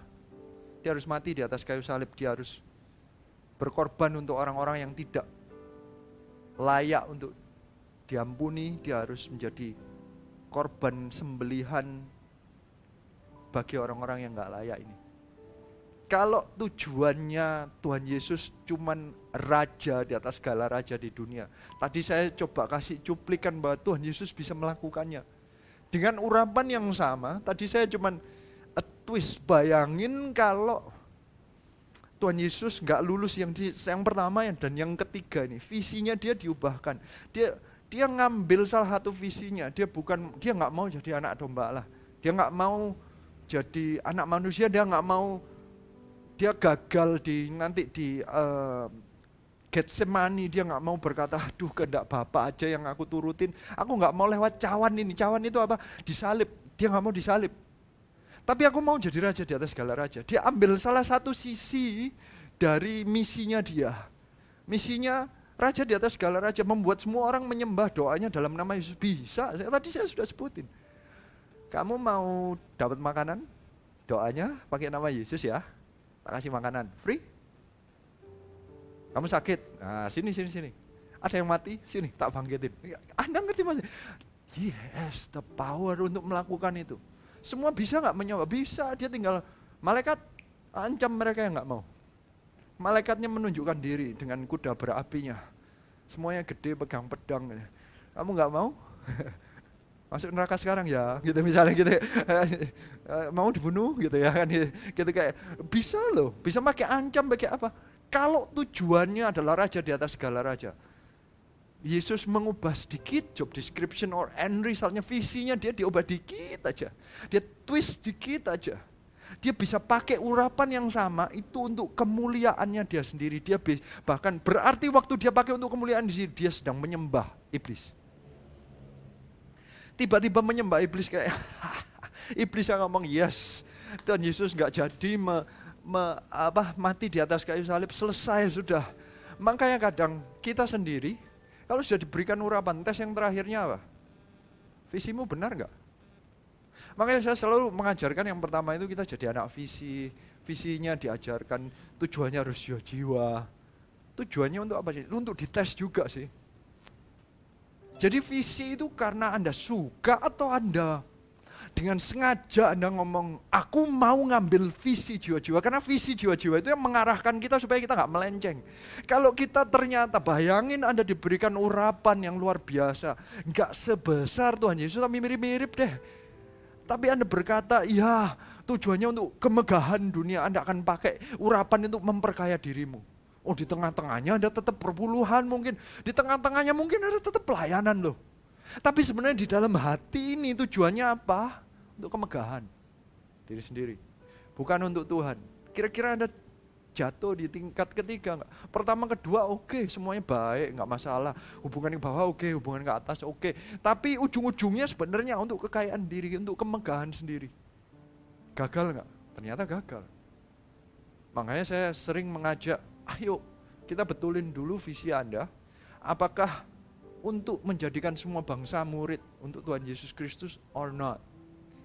Gereja Marsharon pun ada visi misinya yang seribu gereja satu juta murid. Itu bukan ambisi tapi juga sepertinya tes. Dan sepertinya seperti kata-kata Tuhan Yesus yang ngomong, hanya iblis karena kita harus hanya menyembah Tuhan saja. Itu kayak deklarasinya kepada iblis. Hanya iblis dari gereja Marsharon karena kita maunya itu seribu gereja satu juta murid itu untuk Tuhan. Semuanya menyembah Tuhan.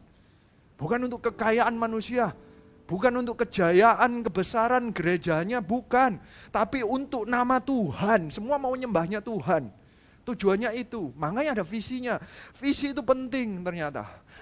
Kan diangkat, ditaruh di atas puncak gunung untuk melihat itu visi. Visi, apa yang kita lihat? Ujung-ujungnya end result kehidupan kita ini untuk apa? Pelayanan itu kadang nanti, kalau Anda pelayanan, loh kan aku udah pelayan, ya tadi satu dua sudah ngomongin mengenai pelayanan. Tapi visi ujung akhirnya, apa yang Anda lakukan, bisa kita terjebak kalau Anda ngelihatnya cuma sedikit, kecil yang cuma day to day yang hari ini. Tapi nanti, kalau Anda nggak tahu ujung-ujungnya untuk apa, Anda bisa terjebak. Dan yang saya tadi ngomong, bisa kelihatannya kesembuhan demi kesembuhan. Eh, saya pernah ngomong begini, kalau misalnya, gini loh, kesembuhan itu adalah salah satu impact dari pelayanan. Tapi ada yang ngomong ya mestinya semuanya harus sembuh. Bukan, bukan tujuannya Tuhan Yesus bukan untuk kesembuhan dahulu. Tujuannya Tuhan Yesus adalah untuk menyelamatkan semua menyembah Tuhan. Bukan keselamatan. Kalau Tuhan Tuhan tujuan Tuhan Yesus untuk kekayaan. Kenapa ayat di Alkitab bahwa Tuhan Yesus ngomong bahwa nanti sampai kapan pun orang miskin masih tetap ada. Ada orang-orang yang ngomong, lu mestinya kan tujuan gereja itu untuk melayani orang miskin. Bentar, bentar. Bukan itu tujuan akhirnya gereja Tuhan, pelayanan Tuhan Yesus dan gerejanya termasuk kita itu adalah untuk menyelamatkan supaya semua orang menyembah Tuhan Allah. Itu tujuan utamanya. Di tengah-tengahnya membantu orang miskin, menyelamatkan uh, apa menolong orang-orang yang ter apa terikat, yang apa, yang yatim piatu, apa iya menyembuhkan orang yang sakit, tapi itu bukan yang utama. Iblis itu berusaha akan berusaha membuat tujuan kita itu enggak tajam, bukan tujuan akhirnya untuk menyembah Tuhan, tapi agak melenceng dikit. Kadang itu juga pencobaan iblis. Pelayanan Anda harusnya pelayanan keselamatan karena itulah pelayanan Tuhan Yesus Kristus. Kita itu anaknya Tuhan. Kita seharusnya serupa dengan Tuhan Yesus. Pelayanan kita itu ujung-ujungnya keselamatan. Saya mengucap syukur. Ujung-ujungnya uh, engkau Anda dibaptis. Ujung-ujungnya jiwa-jiwa di pelayanan Anda banyak yang dibaptis. Itu ujung-ujungnya. Kita cari jiwa bukan untuk senang aja jumlah orang jadi naik. Bukan, bukan. Keselamatan supaya semua orang menyembah Tuhan. Allahmu, hanya dia sajalah kita harus berbakti. Visi kerajaan Allah kehendak Tuhan yang seharusnya menjadi main target itu yang visi yang harus kita lihat, bukan kemagahan bukan kesembuhan, bukan kemuliaan diri sendiri, bukan menyelamatkan ya apa menyenangkan orang ini itu. Semua tujuannya harus yang utama. Tuhan Yesus bisa dengan tajam. Dia adalah seseorang yang secure di hadapan Tuhan. Dia seseorang yang begitu mendapatkan kata-kata utama dari Bapa di surga. Engkau mana tadi kata-katanya? Uh, inilah anakku yang kukasih, kepadanya aku berkenan. Perkenanan Tuhan itu cukup bagi Tuhan Yesus. Dari satu sikap hati yang cukup di hadapan Bapa di surga, dia itu secure, dia itu aman. Saya rindunya kita semua itu dalam pelayanan, di dalam berjalan bersama dengan Tuhan itu aman di hadapan Tuhan. Engkau adalah anak Allah. Iblis akan berusaha melencengkan engkau dengan ke kiri, ke kanan tiga, Test of power, test of privilege. Yang terakhir test of vision. Visimu kayak apa? Kalau Tuhan uh, iblis nggak bisa njatuin di yang power or privilege, dia akan melencengkan dengan visinya diperkecil aja, dia melencengkan dikit aja, supaya nanti engkau ujung-ujungnya ujung-ujungnya menyembah iblis, bukan Tuhan. Karena kehendak Tuhan tetap menjadikan semua bangsa murid Yesus. Jangan sampai apa pun yang kita lakukan ini nanti dilencengkan oleh iblis. Kita saya rindunya setiap orang punya hati yang secure sehingga setiap orang benar-benar nanti akan diurapi benar-benar dan dipakai Tuhan dengan luar biasa. Saya mau ajak Anda membaca di Roma 12 ayat 3. Ini ayat terakhir. Roma 12 ayat 3 berkata, berdasarkan kasih karunia yang dianugerahkan kepadaku, aku berkata kepada setiap orang di antara kamu, Janganlah kamu memikirkan hal-hal yang lebih tinggi daripada yang patut kamu pikirkan, tetapi hendaklah kamu berpikir begitu rupa sehingga kamu menguasai diri menurut ukuran iman yang dikaruniakan Allah kepada kamu masing-masing. Orang yang secure itu adalah orang yang enggak enggak perlu banding-bandingkan diri seperti Saul membanding-bandingkan dengan Daud. Orang yang secure itu melayani Tuhan dengan apa adanya saya melayani dengan apa adanya. Saya tahu Henkun bisa lebih bisa nyanyi, di, saya izinkan dia lebih baik engkau yang WL saja, jangan saya ya. Saya tahu saya melayani, saya nggak akan saingan dengan Samuel nanti saya yang keyboard aja gitu ya, nggak juga ya, bisa-bisa ya cuma tiga uh, uh, note saja yang saya bisa pijat. Saya nggak mau gitaran karena saya tahu saya gitarnya cuma E minor saja. Ya, uh, saya saya nggak saya nggak saya nggak akan banding bandingkan dengan mereka. Saya saya saya nggak saya tahu siapa saya. Saya mengukur sesuai dengan kasih karunia saya. Saya melayani dengan yakin nggak apa-apa kalau memang impact saya segini ya masalah bagi saya. Saya improve dengan diri saya sendiri, saya hubungannya langsung kepada Bapak, saya secure bahwa saya adalah saya anak Allah. Sama se- seperti Tuhan Yesus Kristus. Tuhan akan pakai saya sesuai dengan kapasitas saya. Saya nggak akan banding-bandingkan dengan ke kiri dan ke kanan. Dan saya rindu itu semua yang akan Anda terima juga. Anda tidak perlu banding-bandingin dengan ke kiri dan ke kanan. Anda juga nggak perlu banding-bandingkan. Bahkan mungkin ada yang bandingin gini. Tapi CGL ku sama CGL sebelah Anda ya nggak perlu banding-bandingin. Izinkan CGL Anda melayani sesuai dengan C kemampuannya dia. Kan setiap CGL lain-lain, setiap coach lain-lain. Eh, ya tolong saya juga jangan dibanding-bandingin dengan orang-orang yang lain yang pengkhotbah yang lain. Anda bandingkan saya dengan pengkhotbah yang mana pun ya lain-lain lah. Dan saya cukup secure di hadapan Tuhan untuk ya will serve dengan apa pun yang saya mau dengan kasih karunia. Saya nggak ngelihat lebih tinggi nggak ngelihat lebih rendah. Saya nggak semi nggak minder nggak. Kalau saya diberikan kesempatan saya lakukan. Salah satunya kita diberikan kesempatan untuk online. Saya lakukan sebaik mungkin apa pun yang kita kita nggak bisa ketemu ya kita ketemu lewat uh, online kita nggak perlu iri-irian atau apa nggak perlu banding-bandingkan kita jalan aja saya percaya kalau hati kita secure nanti kita semua akan dipakai Tuhan. Saya ajak semua bangkit berdiri.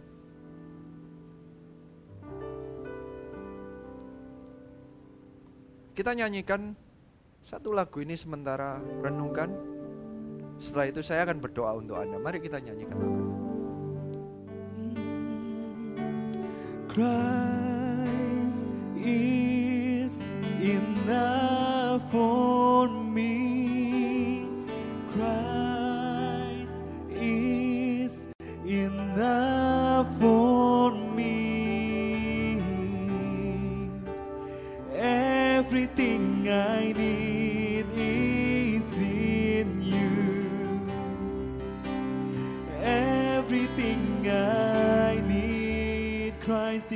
is enough.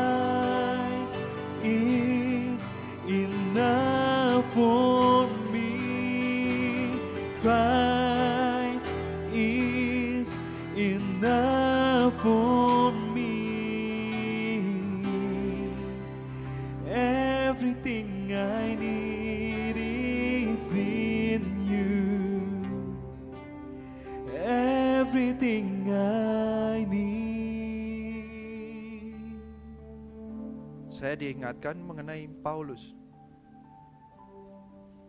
Paulus itu dipakai Tuhan dengan luar biasa. Paulus di Alkitab. Tetapi ada ayatnya yang berkata bahwa dia bisa menerima dirinya di hadapan Tuhan.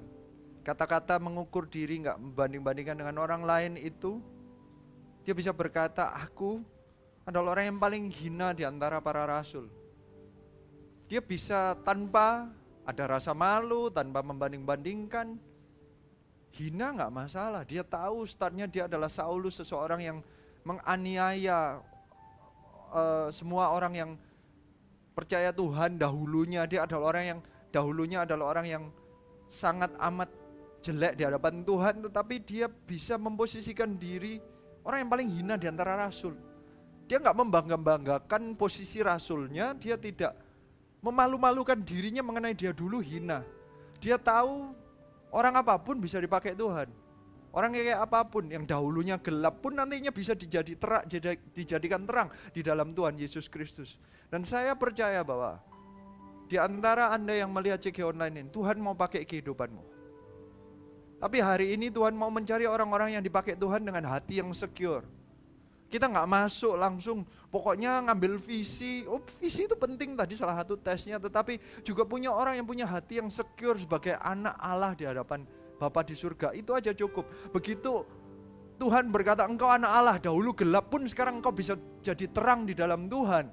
Dan itu tidak akan digoyahkan oleh iblis, saat itu Tuhan bisa memakai engkau. Engkau punya power apa pun tidak akan engkau abuse. Engkau punya privilege apa pun engkau nggak akan nuntut ke atasan ataupun ke bawah. Visimu nggak bisa dilencengkan ke mana-mana karena visimu ujung-ujungnya pasti untuk jiwa-jiwa, untuk menyelamatkan, menjadikan semua bangsa muridku. Nggak bisa dipelencengkan ke mana-mana. Tuhan pasti akan pakai engkau lebih-lebih lagi. Makin lama makin ditambah dan ditambah. Saya percaya bahwa orang-orang yang mendengarkan ini ada ada orang-orang yang sudah siap hatinya. Tuhan mau angkat. Saat ini saya mau berdoa.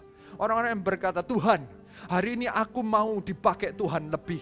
Hari ini aku berkata bahwa aku aku tahu bahwa aku ini adalah orang yang dahulunya nggak layak, orang yang paling hina. Tapi aku tahu saat engkau berkata, aku anak, aku ini adalah anak Allah. Saat itu cukup bagiku. Aku nggak akan banding-bandingkan dengan yang lain. Aku nggak akan melenceng-melencengkan visiku. Aku tahu visinya adalah untuk menjadikan semua bangsa murid Tuhan Yesus Kristus. Orang-orang yang seperti ini Tuhan akan pakai lebih. Yang mau berkata kepada Tuhan, Tuhan cukup Tuhan. Engkau tunjuk aku sebagai anak Allah dan aku cukup. Aku berkata aku mau. Aku cuma mau merasakan kasihmu dan Bapak itu mengasihimu. Bapak yang mengasihi engkau dulu, dia mengirim anak satu-satunya anak yang tunggal Tuhan Yesus Kristus. Mati di atas kayu salib untuk engkau. Engkau mau dipakai Tuhan lebih-lebih lagi. Jangan biarkan iblis mencobai engkau sampai akhir hidupmu. Kalahkan iblis. Ambil sikap hati seperti Tuhan Yesus Kristus. Yang mau letakkan tanganmu di dada. Letakkan tanganmu di dada. Katakan kepada Tuhan bahwa Christ is enough for me. Saat Kristus ada di dalam kehidupanmu, Tuhan bisa memakai, memakai engkau. Ada urapan di dalammu, tidak akan engkau abuse untuk orang sekelilingmu. Engkau gak pakai untuk dirimu sendiri. Engkau tidak akan tuntut-tuntut Allah atau menuntut-tuntut pemimpin gereja Engkau tidak akan pakai uh, urapan ini untuk kekayaanmu sendiri. Tujuannya adalah visi kerajaan Allah. Saat ini juga hamba berdoa.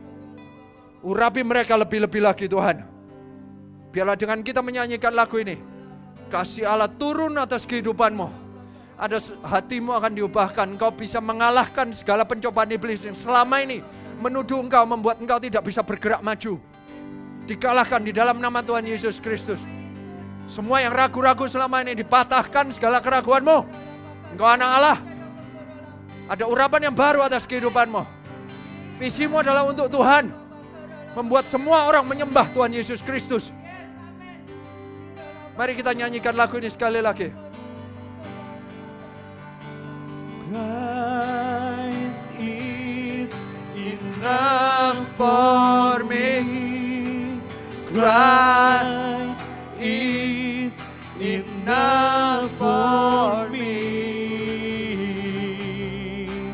Everything I need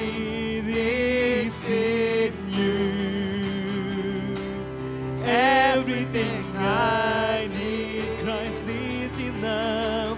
Christ is enough for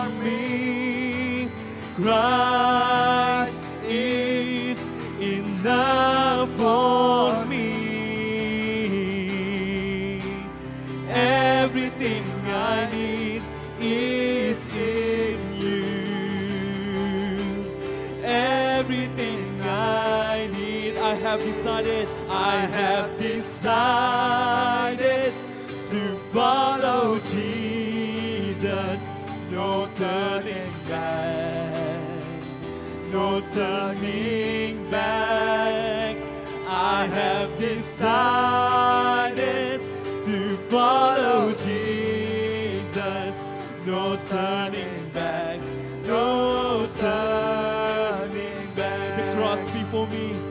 the cross before me, the world behind me.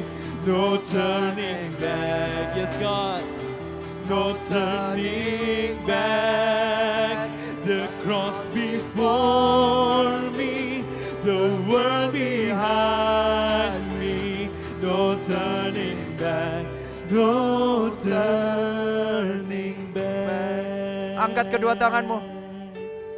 Saya percaya Tuhan sedang mengubahkan hati orang-orang yang sedang mendengarkan. Saya percaya saat ini ada orang-orang yang akan dipakai Tuhan lebih-lebih luar biasa lagi. Semua yang mau dia pakai Tuhan, semua angkat tanganmu. Bila mulai hari ini, engkau menjadi anak Allah yang secure di hadapan Bapa di surga. Engkau tidak akan abuse power. Engkau tidak akan menjadi orang yang menuntut dan engkau tidak akan dilenceng, dilencengkan, disimpangkan dari visi kerajaan Allah dalam kehidupanmu. Berarti ada urapan Allah yang akan ditaruh dalam kehidupanmu. Urapan yang baru, urapan yang membawa mujizat demi mujizat. Bukan dengan kekuatanmu sendiri, tapi dari kasih karunia Allah yang ditaruh atas kehidupanmu. Berarti saya saya percaya nanti ada bisnis yang diubahkan, ada breakthrough dalam bisnismu. Ada keluarga yang dipulihkan. Ada keluarga-keluarga yang dibaptis dari keluargamu. Ada orang-orang yang disembuhkan dari sakit penyakitnya. Ada orang-orang yang pelayanannya dibuat melipat kali ganda. Impact Anda akan dilipat kali gandakan karena hatimu secure di hadapan Tuhan. Saat ini saya percaya Tuhan sedang membuat hati orang-orang yang secure di hadapan Tuhan. Hati yang aman, hati yang trust kepada Bapa di surga dan kepada para pemimpin di atasnya. Terimalah berkat ini. Terimalah urapan ini. Terimalah kasih Allah dan kasih karunia-Nya yang membuat engkau dipakai oleh Tuhan menjadi lebih-lebih luar biasa lagi. Terimalah urapan ini hanya di dalam nama Tuhan Yesus Kristus. Semua yang percaya katakan, amin. Kita akan berikan salam kepada mereka semua ya. Oke. Kita berikan salam. We love you. 5000. See you next week. God bless you.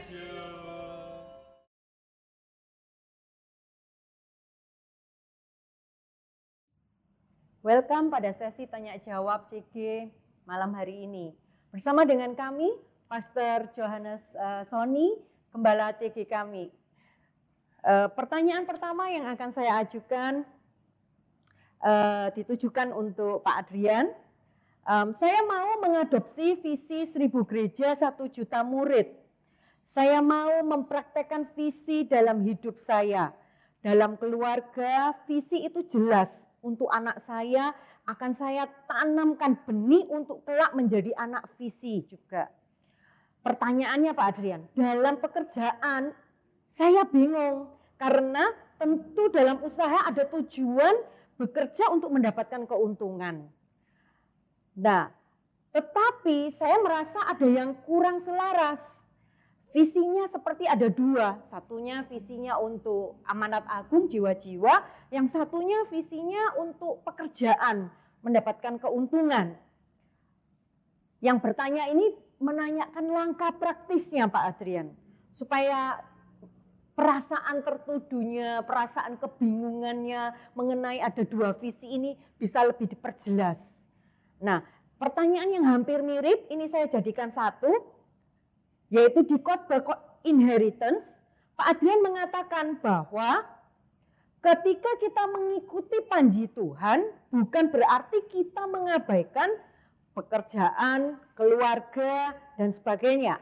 Pertanyaannya adalah bagaimana membangun, caranya membangun sebuah support system. Sehingga ketika kita mengangkat panji pribadi, secara tidak sengaja mengangkatnya panji pribadi padahal e, kerinduannya adalah selalu mengangkat panjinya Tuhan. Yang ditanyakan support sistemnya. Oke, okay. uh, saya selalu menjawabnya dari point of view ayat yang carilah dahulu kerajaan Allah, maka yang lainnya akan ditambah-tambahkannya. Bagi saya, dalam uh, pengertian ayat ini kalau di dalam bahasa Inggris carilah dahulunya itu ada kata-kata above all else bukan hanya dahulu tapi di atas segalanya. Saya menjawab pertanyaan yang pertama tadi ya mengenai visi uh, kerajaan Allah dengan visi pekerjaan. Kalau namanya visi kerajaan Allah itu di atas segalanya, berarti saya menaruh ada visi kerajaan Allah yang di atas, yang above all else, kemudian baru visi-visi pribadi, pekerjaan, mengenai keluarga, apa itu seperti di di bawah naungan ini, sesuatu yang ada di atas.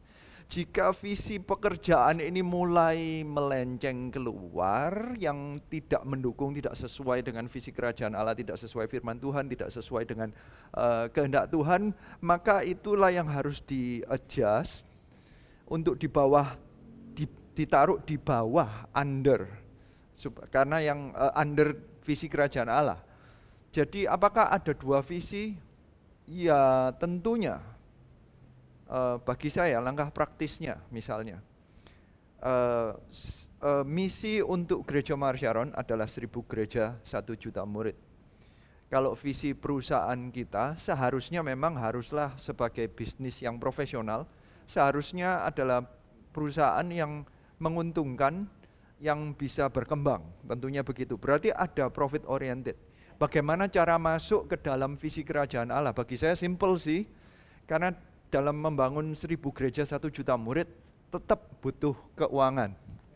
berarti bagi saya kalau perusahaan yang menguntungkan dan uh, seorang yang uh, menjalankan visi misinya gereja mau menjalankan visi kerajaan Allah itu berarti perusahaan ini nantinya akan memberikan uh, persembahan yang dalam bentuk uang perpuluhan atau persembahan uh, sukarela yang mendukung pembangunan dari gereja itu. Berarti kan masih ada di dalamnya. Tentunya saat membangun perusahaan yang but, uh, butuh untung ini haruslah sesuai dengan firman Tuhan, sesuai dengan peraturan pemerintah. Kita harus uh, menjalankan ayat yang berkata uh, cerdik seperti ular, tulus seperti merpati.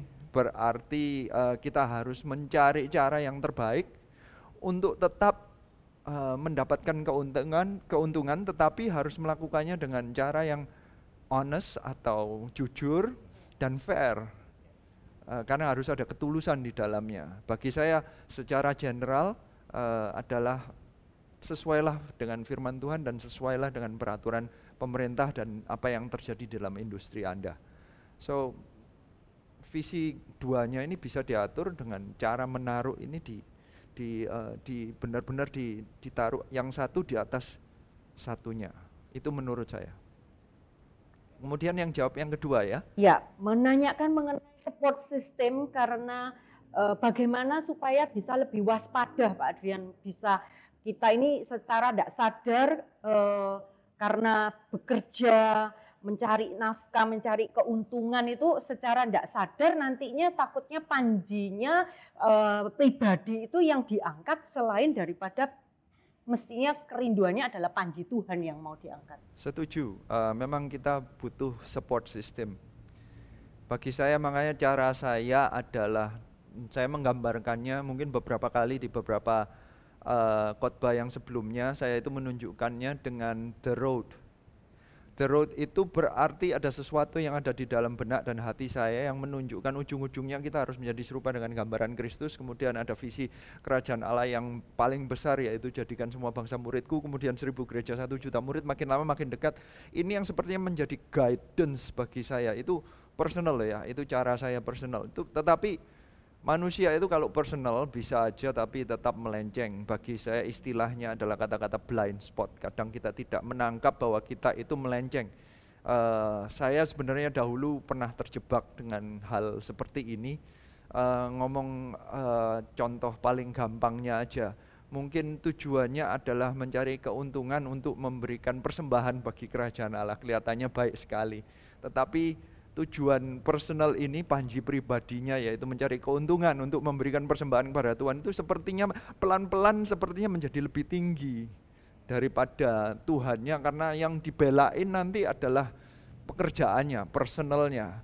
Um, orang yang tidak sadar itu mungkin aja sekali lagi ini contoh yang terlalu simpel ya, tetapi mungkin aja terjadi mungkin di waktu pertama kali lahir baru ibadahnya itu full lengkap se, uh, se, setahun ya 52 kali datang ibadah. Tapi saking uh, sibuknya untuk mencari keuntungan bagi pekerjaannya, ada minggu-minggu tertentu mulai mundur. Mungkin di tahun kedua tinggal 40, mungkin di tahun ketiga jadi tinggal 30, mungkin tahun 4 20 nanti lama-lama hilang. Bukan hanya ibadah, mungkin CG dan pelayanan juga makin lama makin berkurang. Support system yang uh, didesain di gereja Mar Sharon adalah melalui JG di mana ada para pemimpin rohani yang uh, sepertinya dengan tujuan yang baik. secara ya. diskup kecil ya, kelompok kecil ini diperhatikan. Salah satunya kalau CG itu bisa lebih kelihatan apakah uh, hidup kita ini masih sesuai di dalam jalurnya itu atau tidak kalau di ibadah mungkin aja tidak ada yang uh, sadar kalau kita ibadah atau tidak, tapi kalau di JG paling tidak ada pemimpin rohani yang mulai sadar kalau Anda makin lama makin berkurang dalam hal kehadiran di JG, makanya kita butuh support system itu. Jadi uh, kalau kami mengajak ke JG, itu memang tujuannya untuk mensupport ini dengan tujuan supaya kita tidak melenceng terlalu jauh sehingga panji yang nantinya ujung-ujungnya kita angkat bukan panjinya Tuhan Yesus Kristus tapi panji diri sendiri. Nah, kalau dengan support system atau dengan CG ini ada pembapaan di sini, nantinya ujung-ujungnya kita akan tetap dari uh, tapi tergantung ya mereka mau mendengarkan atau tidak dari tahun ke tahun dari hari ke hari tetap mengangkat panjinya Tuhan bukan panji pribadi mungkin itu jawaban ya. saya jadi CK juga jadi tempat pertanggungjawaban kita secara rohani gitu ya. thank you Pak Makasih, saya percaya um, bagi um, yang bertanya tentang ini sudah lebih um, menangkap ya secara uh, support sistemnya itu Anda perlu join dalam CG. Oke, pertanyaan kedua akan saya tujukan kepada Pastor Yohanes. Um, apakah kita boleh mempunyai bapak rohani lebih dari satu? Misalnya, kalau CGL pindah ke coach atau uh, sponsor pindah ke CGL, uh, padahal kita udah nyaman dengan CGL maupun coach yang selama ini sudah dicurhatin, sudah diluapkan segala uh, kebutuhan maupun hal-hal yang yang yang me, terjadi dalam kehidupan anggota ini. Uh, apakah diizinkan Pastor Yohanes kalau mempunyai uh, bapak rohani lebih dari lebih satu? Dari satu, iya.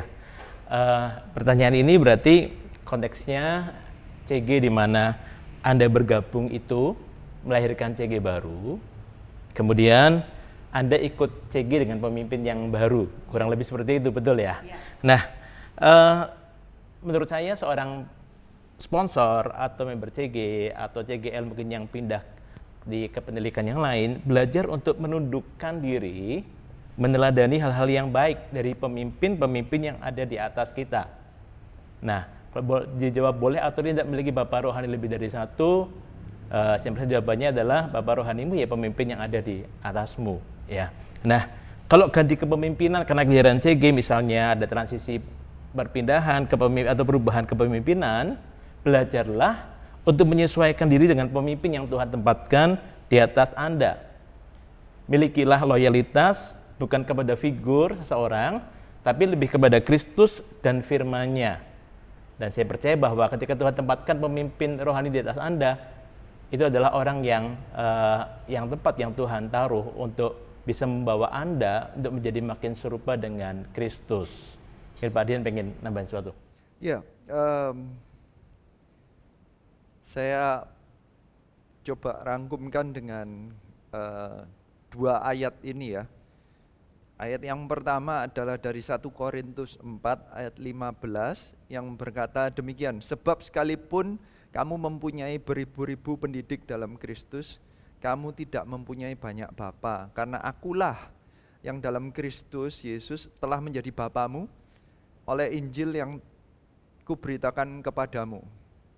Ayat ini berarti berkata mengenai uh, Bapak itu mestinya satu, yang lainnya dianggap pendidik Uh, tetapi dibalanskan juga karena ada ayat di Matius 23 ayat 8 dan 9. Ini kata-katanya demikian, tetapi kamu janganlah kamu disebut rabi karena hanya satu rabimu, rabinya huruf besar. Dan kamu semua adalah saudara. Dan janganlah kamu menyebut siapa pun bapa di bumi ini karena hanya ada satu bapamu, bapaknya huruf besar. Yaitu dia, huruf besar lagi, yang di surga di uh, eh, 1 Korintus 4 ayat 15 dengan yang Matius 23 ayat 8 dan 9 ini mengatakan seperti kata-kata Pak Yu bahwa ujung-ujungnya sebenarnya Bapa dan uh, pengajar pun itu hanya satu. Tuhan, Bapa di surga.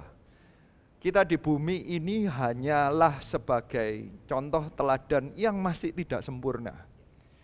Uh, bisa disebutkan kesimpulannya adalah gereja Tuhan itu hanyalah suatu alat. Berarti kalau uh, di yang satu Korintus ada kata-kata Paulus berani berkata bahwa dialah adalah Bapa, tapi Bapaknya huruf kecil. Berarti ini bukan sebutan Bapa, tetapi cuman fungsi Bapa. Arti kata fungsi itu berarti kalau ada pemindahan kayak begitu, fungsinya ya berarti kan berubah. Siapa pun yang ada di atas kita, dialah yang berfungsi sebagai Bapa huruf kecil. Uh, makanya di gereja Omar Sharon termasuk di CG kita berkata bahwa kita jangan saling menyebut bapak-bapakan kita nggak ada yang uh, jangan call, jangan tidak ada bapak yang minta atau pemimpin rohani yang minta kamu panggil aku mami daddy gitu nggak ada gitu loh karena kami tidak mencari sebutannya tidak mau mencari ke, eh, masalah kepemimpinan atau posisinya karena kami cuma mau berfungsi sebagai bapak huruf kecil. Kami mewakili bapak besar di surga dengan alat yaitu gereja maupun CG untuk berfungsi sebagai bapak rohani. Jadi kalau pindah di mana pun saya mengerti kami mengerti bahwa bapak kecil ini tidak ada yang sempurna. Pindah pun bisa ada yang cocok ini itu. Tapi ingat fungsinya, gereja adalah berfungsi tempat di mana kita dimuridkan, kita mestinya bertindak sebagai anak yang ditaruh di posisi mana pun kita belajar, di situ belajarlah, kita cari yang terbaik di mana pun kita berada, kita anggap mereka sebagai, dianggap sebagai bapak rohani. Fungsinya adalah sebagai bapak rohani huruf kecil. Jadi kalau pindah, ya bapak rohani Anda yang satu itu yang fungsinya itu adalah ya yang sekarang yang ada. Yang lainnya anggaplah sebagai uh, pengajar huruf kecil. Karena guru yang terbesar ya tetap hanyalah Tuhan di surga. Mungkin itu bisa menjawab. Terima kasih. Pastor Yohanes dan Pastor Adrian. Uh, pertanyaan ketiga ini saya tujukan ke Pastor Yohanes. Apakah saya masih masih berhubungan ini? Uh, pertanyaannya masih terkait dengan pertanyaan yang sebelumnya Apakah saya harus dalam segala hal datang dan bertanya kepada pemimpin di atasnya? Apakah tidak boleh jika saya mau cari pendapat dari pemimpin atau pendeta yang saya lebih cocok dan lebih suka di gereja lain? Jadi maksudnya di luarnya gereja Marsyaron gitu ya. Karena menurut saya hamba Tuhan itu lebih diurapi. Iya, Pastor Iya. Mungkin saya jawab pertanyaan ini dengan saya bacakan sebuah ayat lebih dulu. Ibrani 13 ayat 17 berkata demikian. Taatilah pemimpin-pemimpinmu dan tunduklah kepada mereka. Sebab mereka berjaga-jaga atas jiwamu. Sebagai orang-orang yang harus bertanggung jawab atasnya. Dengan jalan itu, mereka akan melakukannya dengan gembira bukan dengan keluh kesah. Sebab hal itu tidak membawa keuntungan bagimu. Jadi pertanyaan tadi, saya menganjurkan untuk Anda tetap bertanya pada pemimpin langsung di atas Anda. Supaya ada keterbukaan dengan pemimpin yang Tuhan tempatkan dalam otoritas rohani di atas Anda sebagai orang yang berjaga-jaga atas jiwa Anda. Akan tetapi apabila Anda mungkin merasa perlu untuk bertanya ke yang lain, saya menganjurkan Anda bisa bertanya pada hamba-hamba Tuhan yang ada dalam lingkungan pengembalaan gereja Mawar Syaron. Tapi tetap saya anjurkan uh, Anda bisa terbuka pada pemimpin Anda langsung, apa uh, pemimpin yang ada di atas Anda. Apabila Anda belum bisa terbuka dengan pemimpin Anda langsung, Anda bisa datang ke pemimpin yang berikutnya, dua layer di atasnya. Contohnya bila Anda seorang member, Anda merasa mungkin kurang puas dengan jawaban uh, dari CGL Anda. Anda bisa datang ke coach Anda, Anda bisa datang ke TL Anda, Anda bisa datang ke gembala Anda untuk mendapatkan uh, tuntunan rohani atau uh, nasihat-nasihat rohani. Ya. Iya, saya saya mengerti bahwa uh, di gereja Marsyaron kalaupun ada member yang kayaknya ngelombatin itu ya nggak apa-apa ya, Pak ya. Jadi uh, anggota member gimana pun kalau mau langsung tanya sama Pak Yo untuk membicarakan kami pun kami ya tidak apa-apa. Kami sudah biasa dan kami uh, sudah siap untuk ditegur. Uh, kalaupun kami ada yang bersalah dan itu tanggung jawabnya pemimpin untuk menegur kami. Saya cuma mau ceritakan mengenai dari dari sisi saya apa yang saya pernah alami uh, dahulu saya ini tipe orang yang juga suka belajar. Belajar ya, suka baca. Uh, iya iya iya. Uh, tapi um, tolong diterimanya ini bukan uh, menyombongkan atau apa, tapi memang saya dulu suka baca. Belum tentu semua selesai tak baca, tapi suka beli buku. Paling tidak beli lah ya, Pak. Paling tidak beli ya. ya baca judulnya. Ada kerinduan gitu loh ya kan. Uh, ya bukan hanya judul lah, paling nggak summary-nya yang di belakang itu loh ya. Uh, Uh, saya itu suka baca buku, suka dengerin uh, belum belum masih mulai dari kaset, oke okay? kita zaman kaset masih kaset ya mungkin ada banyak yang nggak ngerti kaset itu apa ya uh, kaset CD Uh, dan jadi uh, saya ngumpulin itu, saya kayak hobi, saya ada dua lemari yang buku ada, yang yang kaset ada, dan itu adalah pendeta-pendeta yang dari negara-negara lain bahkan. Ada yang dari Amerika, ada yang dari Australia, ada yang dari Singapura, ada yang dari dari mana-mana. Saya itu belajar banyak, tetapi ternyata bagi saya, ini kan bagi saya ya, ini pengalaman kehidupan saya. Uh, saya sambung dengan ayat yang tadi pertanyaan yang saya jawab sebelumnya ada uh, banyak pengajar ya kata-katanya pengajar pendidik pendidik apa pengajar ya pak ya ayatnya? Ayatnya adalah pendidik. Banyak pendidik uh, bapak itu satu saya dari dahulu itu ternyata menganggap orang-orang yang saya anggap lebih pandai, lebih istilahnya apa lebih diurapi. Mungkin saya mungkin saya nggak terlalu sampai kata-katanya terlalu rohani kayak diurapi. Saya cuma menganggap mereka keren aja. Uh, bahasanya kok keren, apa istilah-istilahnya keren, kata-katanya keren. Jadi saya pelajari mereka semua. Ternyata itu ternyata fungsinya mereka dalam kehidupan saya itu hanyalah sebagai pendidik. Bapak di sini akhirnya saya menangkap di beberapa uh, uh, khotbah-khotbah yang sebelumnya saya ngomong bahwa saya mendapatkan urapannya itu melalui pembapaan rohani.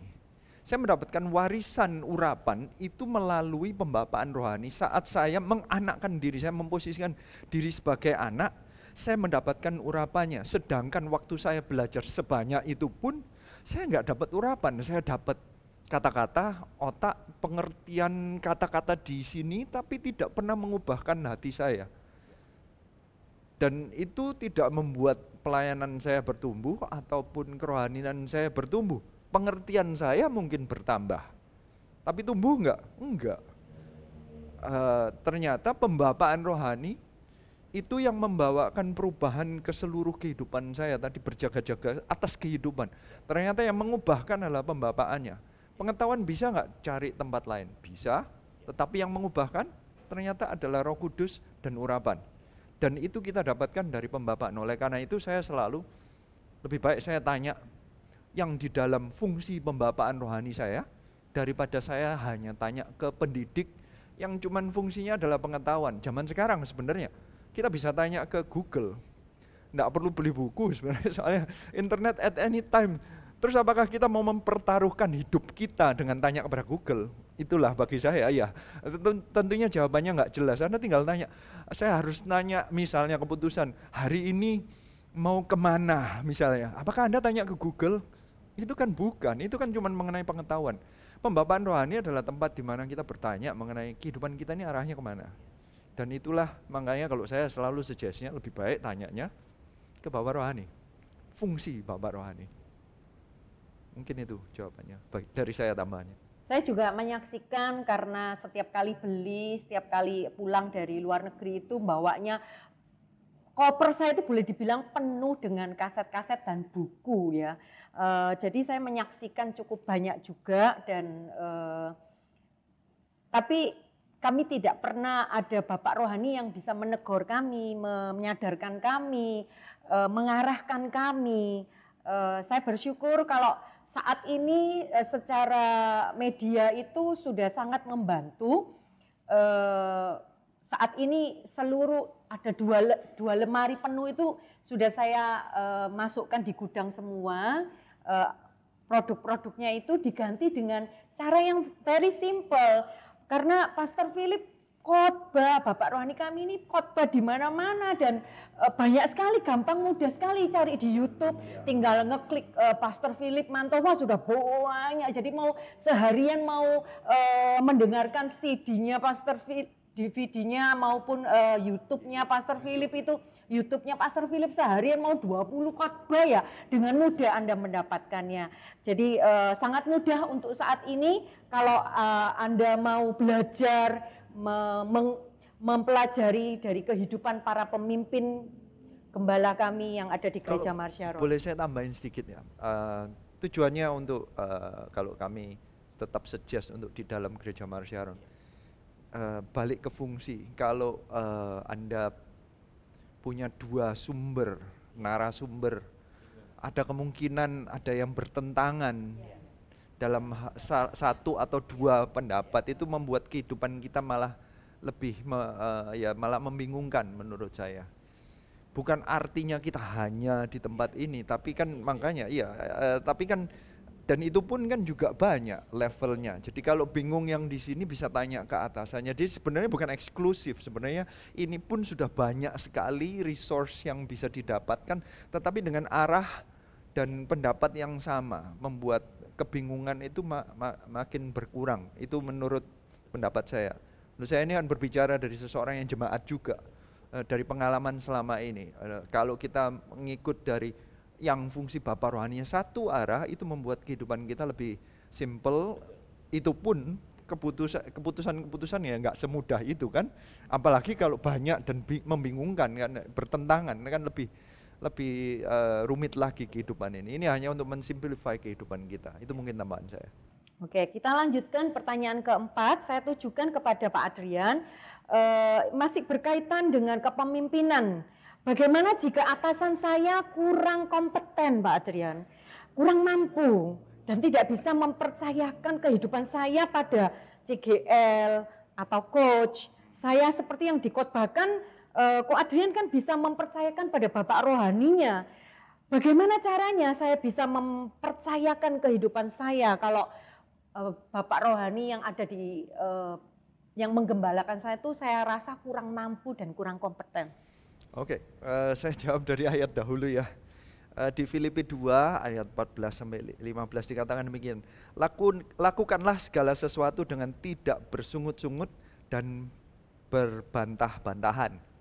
Supaya kamu tiada beraib dan tiada bernoda sebagai anak-anak Allah yang tidak bercela di tengah-tengah angkatan yang bengkok hatinya dan yang sesat ini. Sehingga kamu bercahaya di antara mereka seperti bintang-bintang di dunia uh, di Filipi ini dikatakan mengenai tidak bersungut-sungut dan tidak berbantah-bantahan. Uh, jadi uh, kelihatannya kok seperti ancaman, tapi bagi saya itu begini loh. Tadi pertanyaannya adalah kata-kata yang menyebutkan bagaimana jika pemimpin saya tidak berkompeten. Sebentar, kurang mampu. Sebentar, sebentar.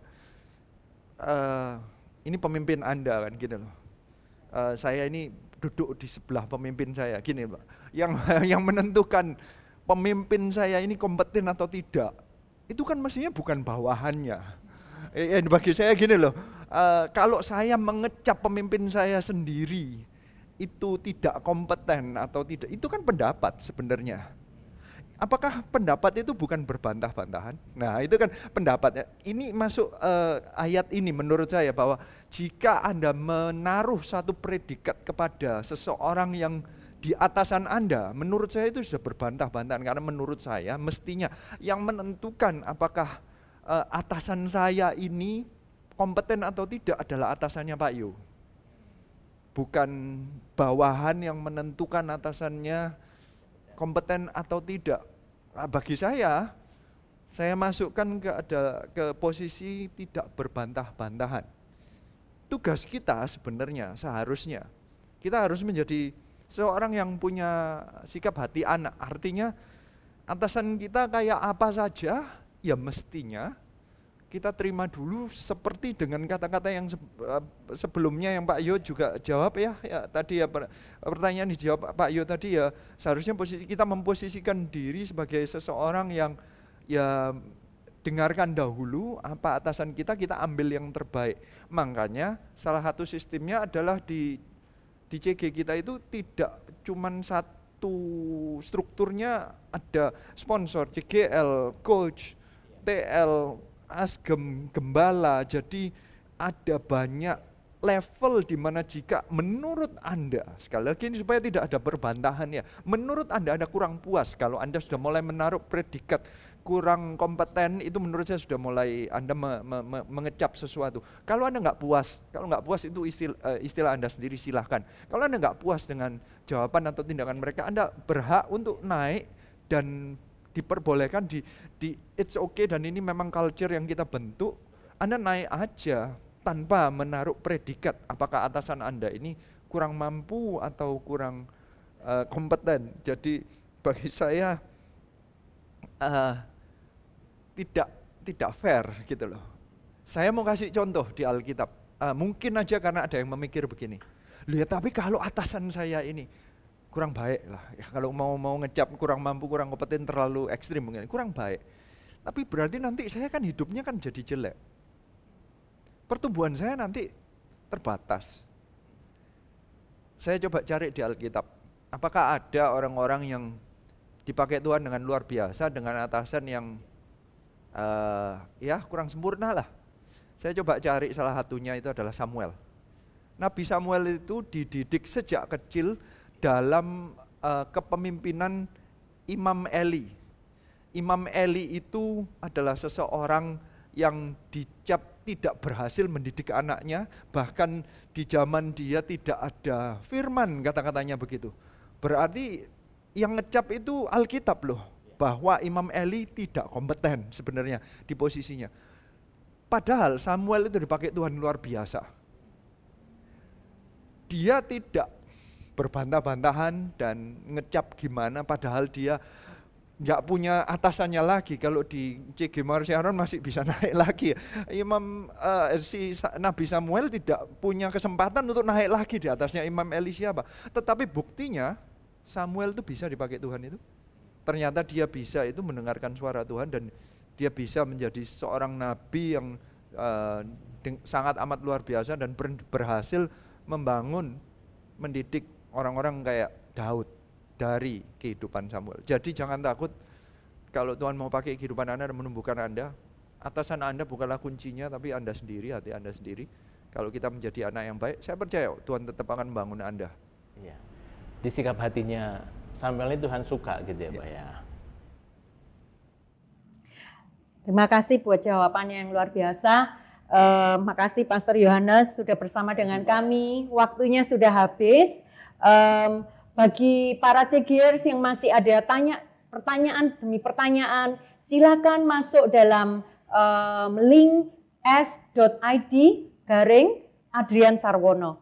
Di sana bisa masuk dan memilih pertanyaan CG dan bisa memasukkan pertanyaan Anda untuk kami jawab di periode selanjutnya. Kita sama-sama mau say um, God bless you. Oke, okay? satu, dua, tiga. God bless you.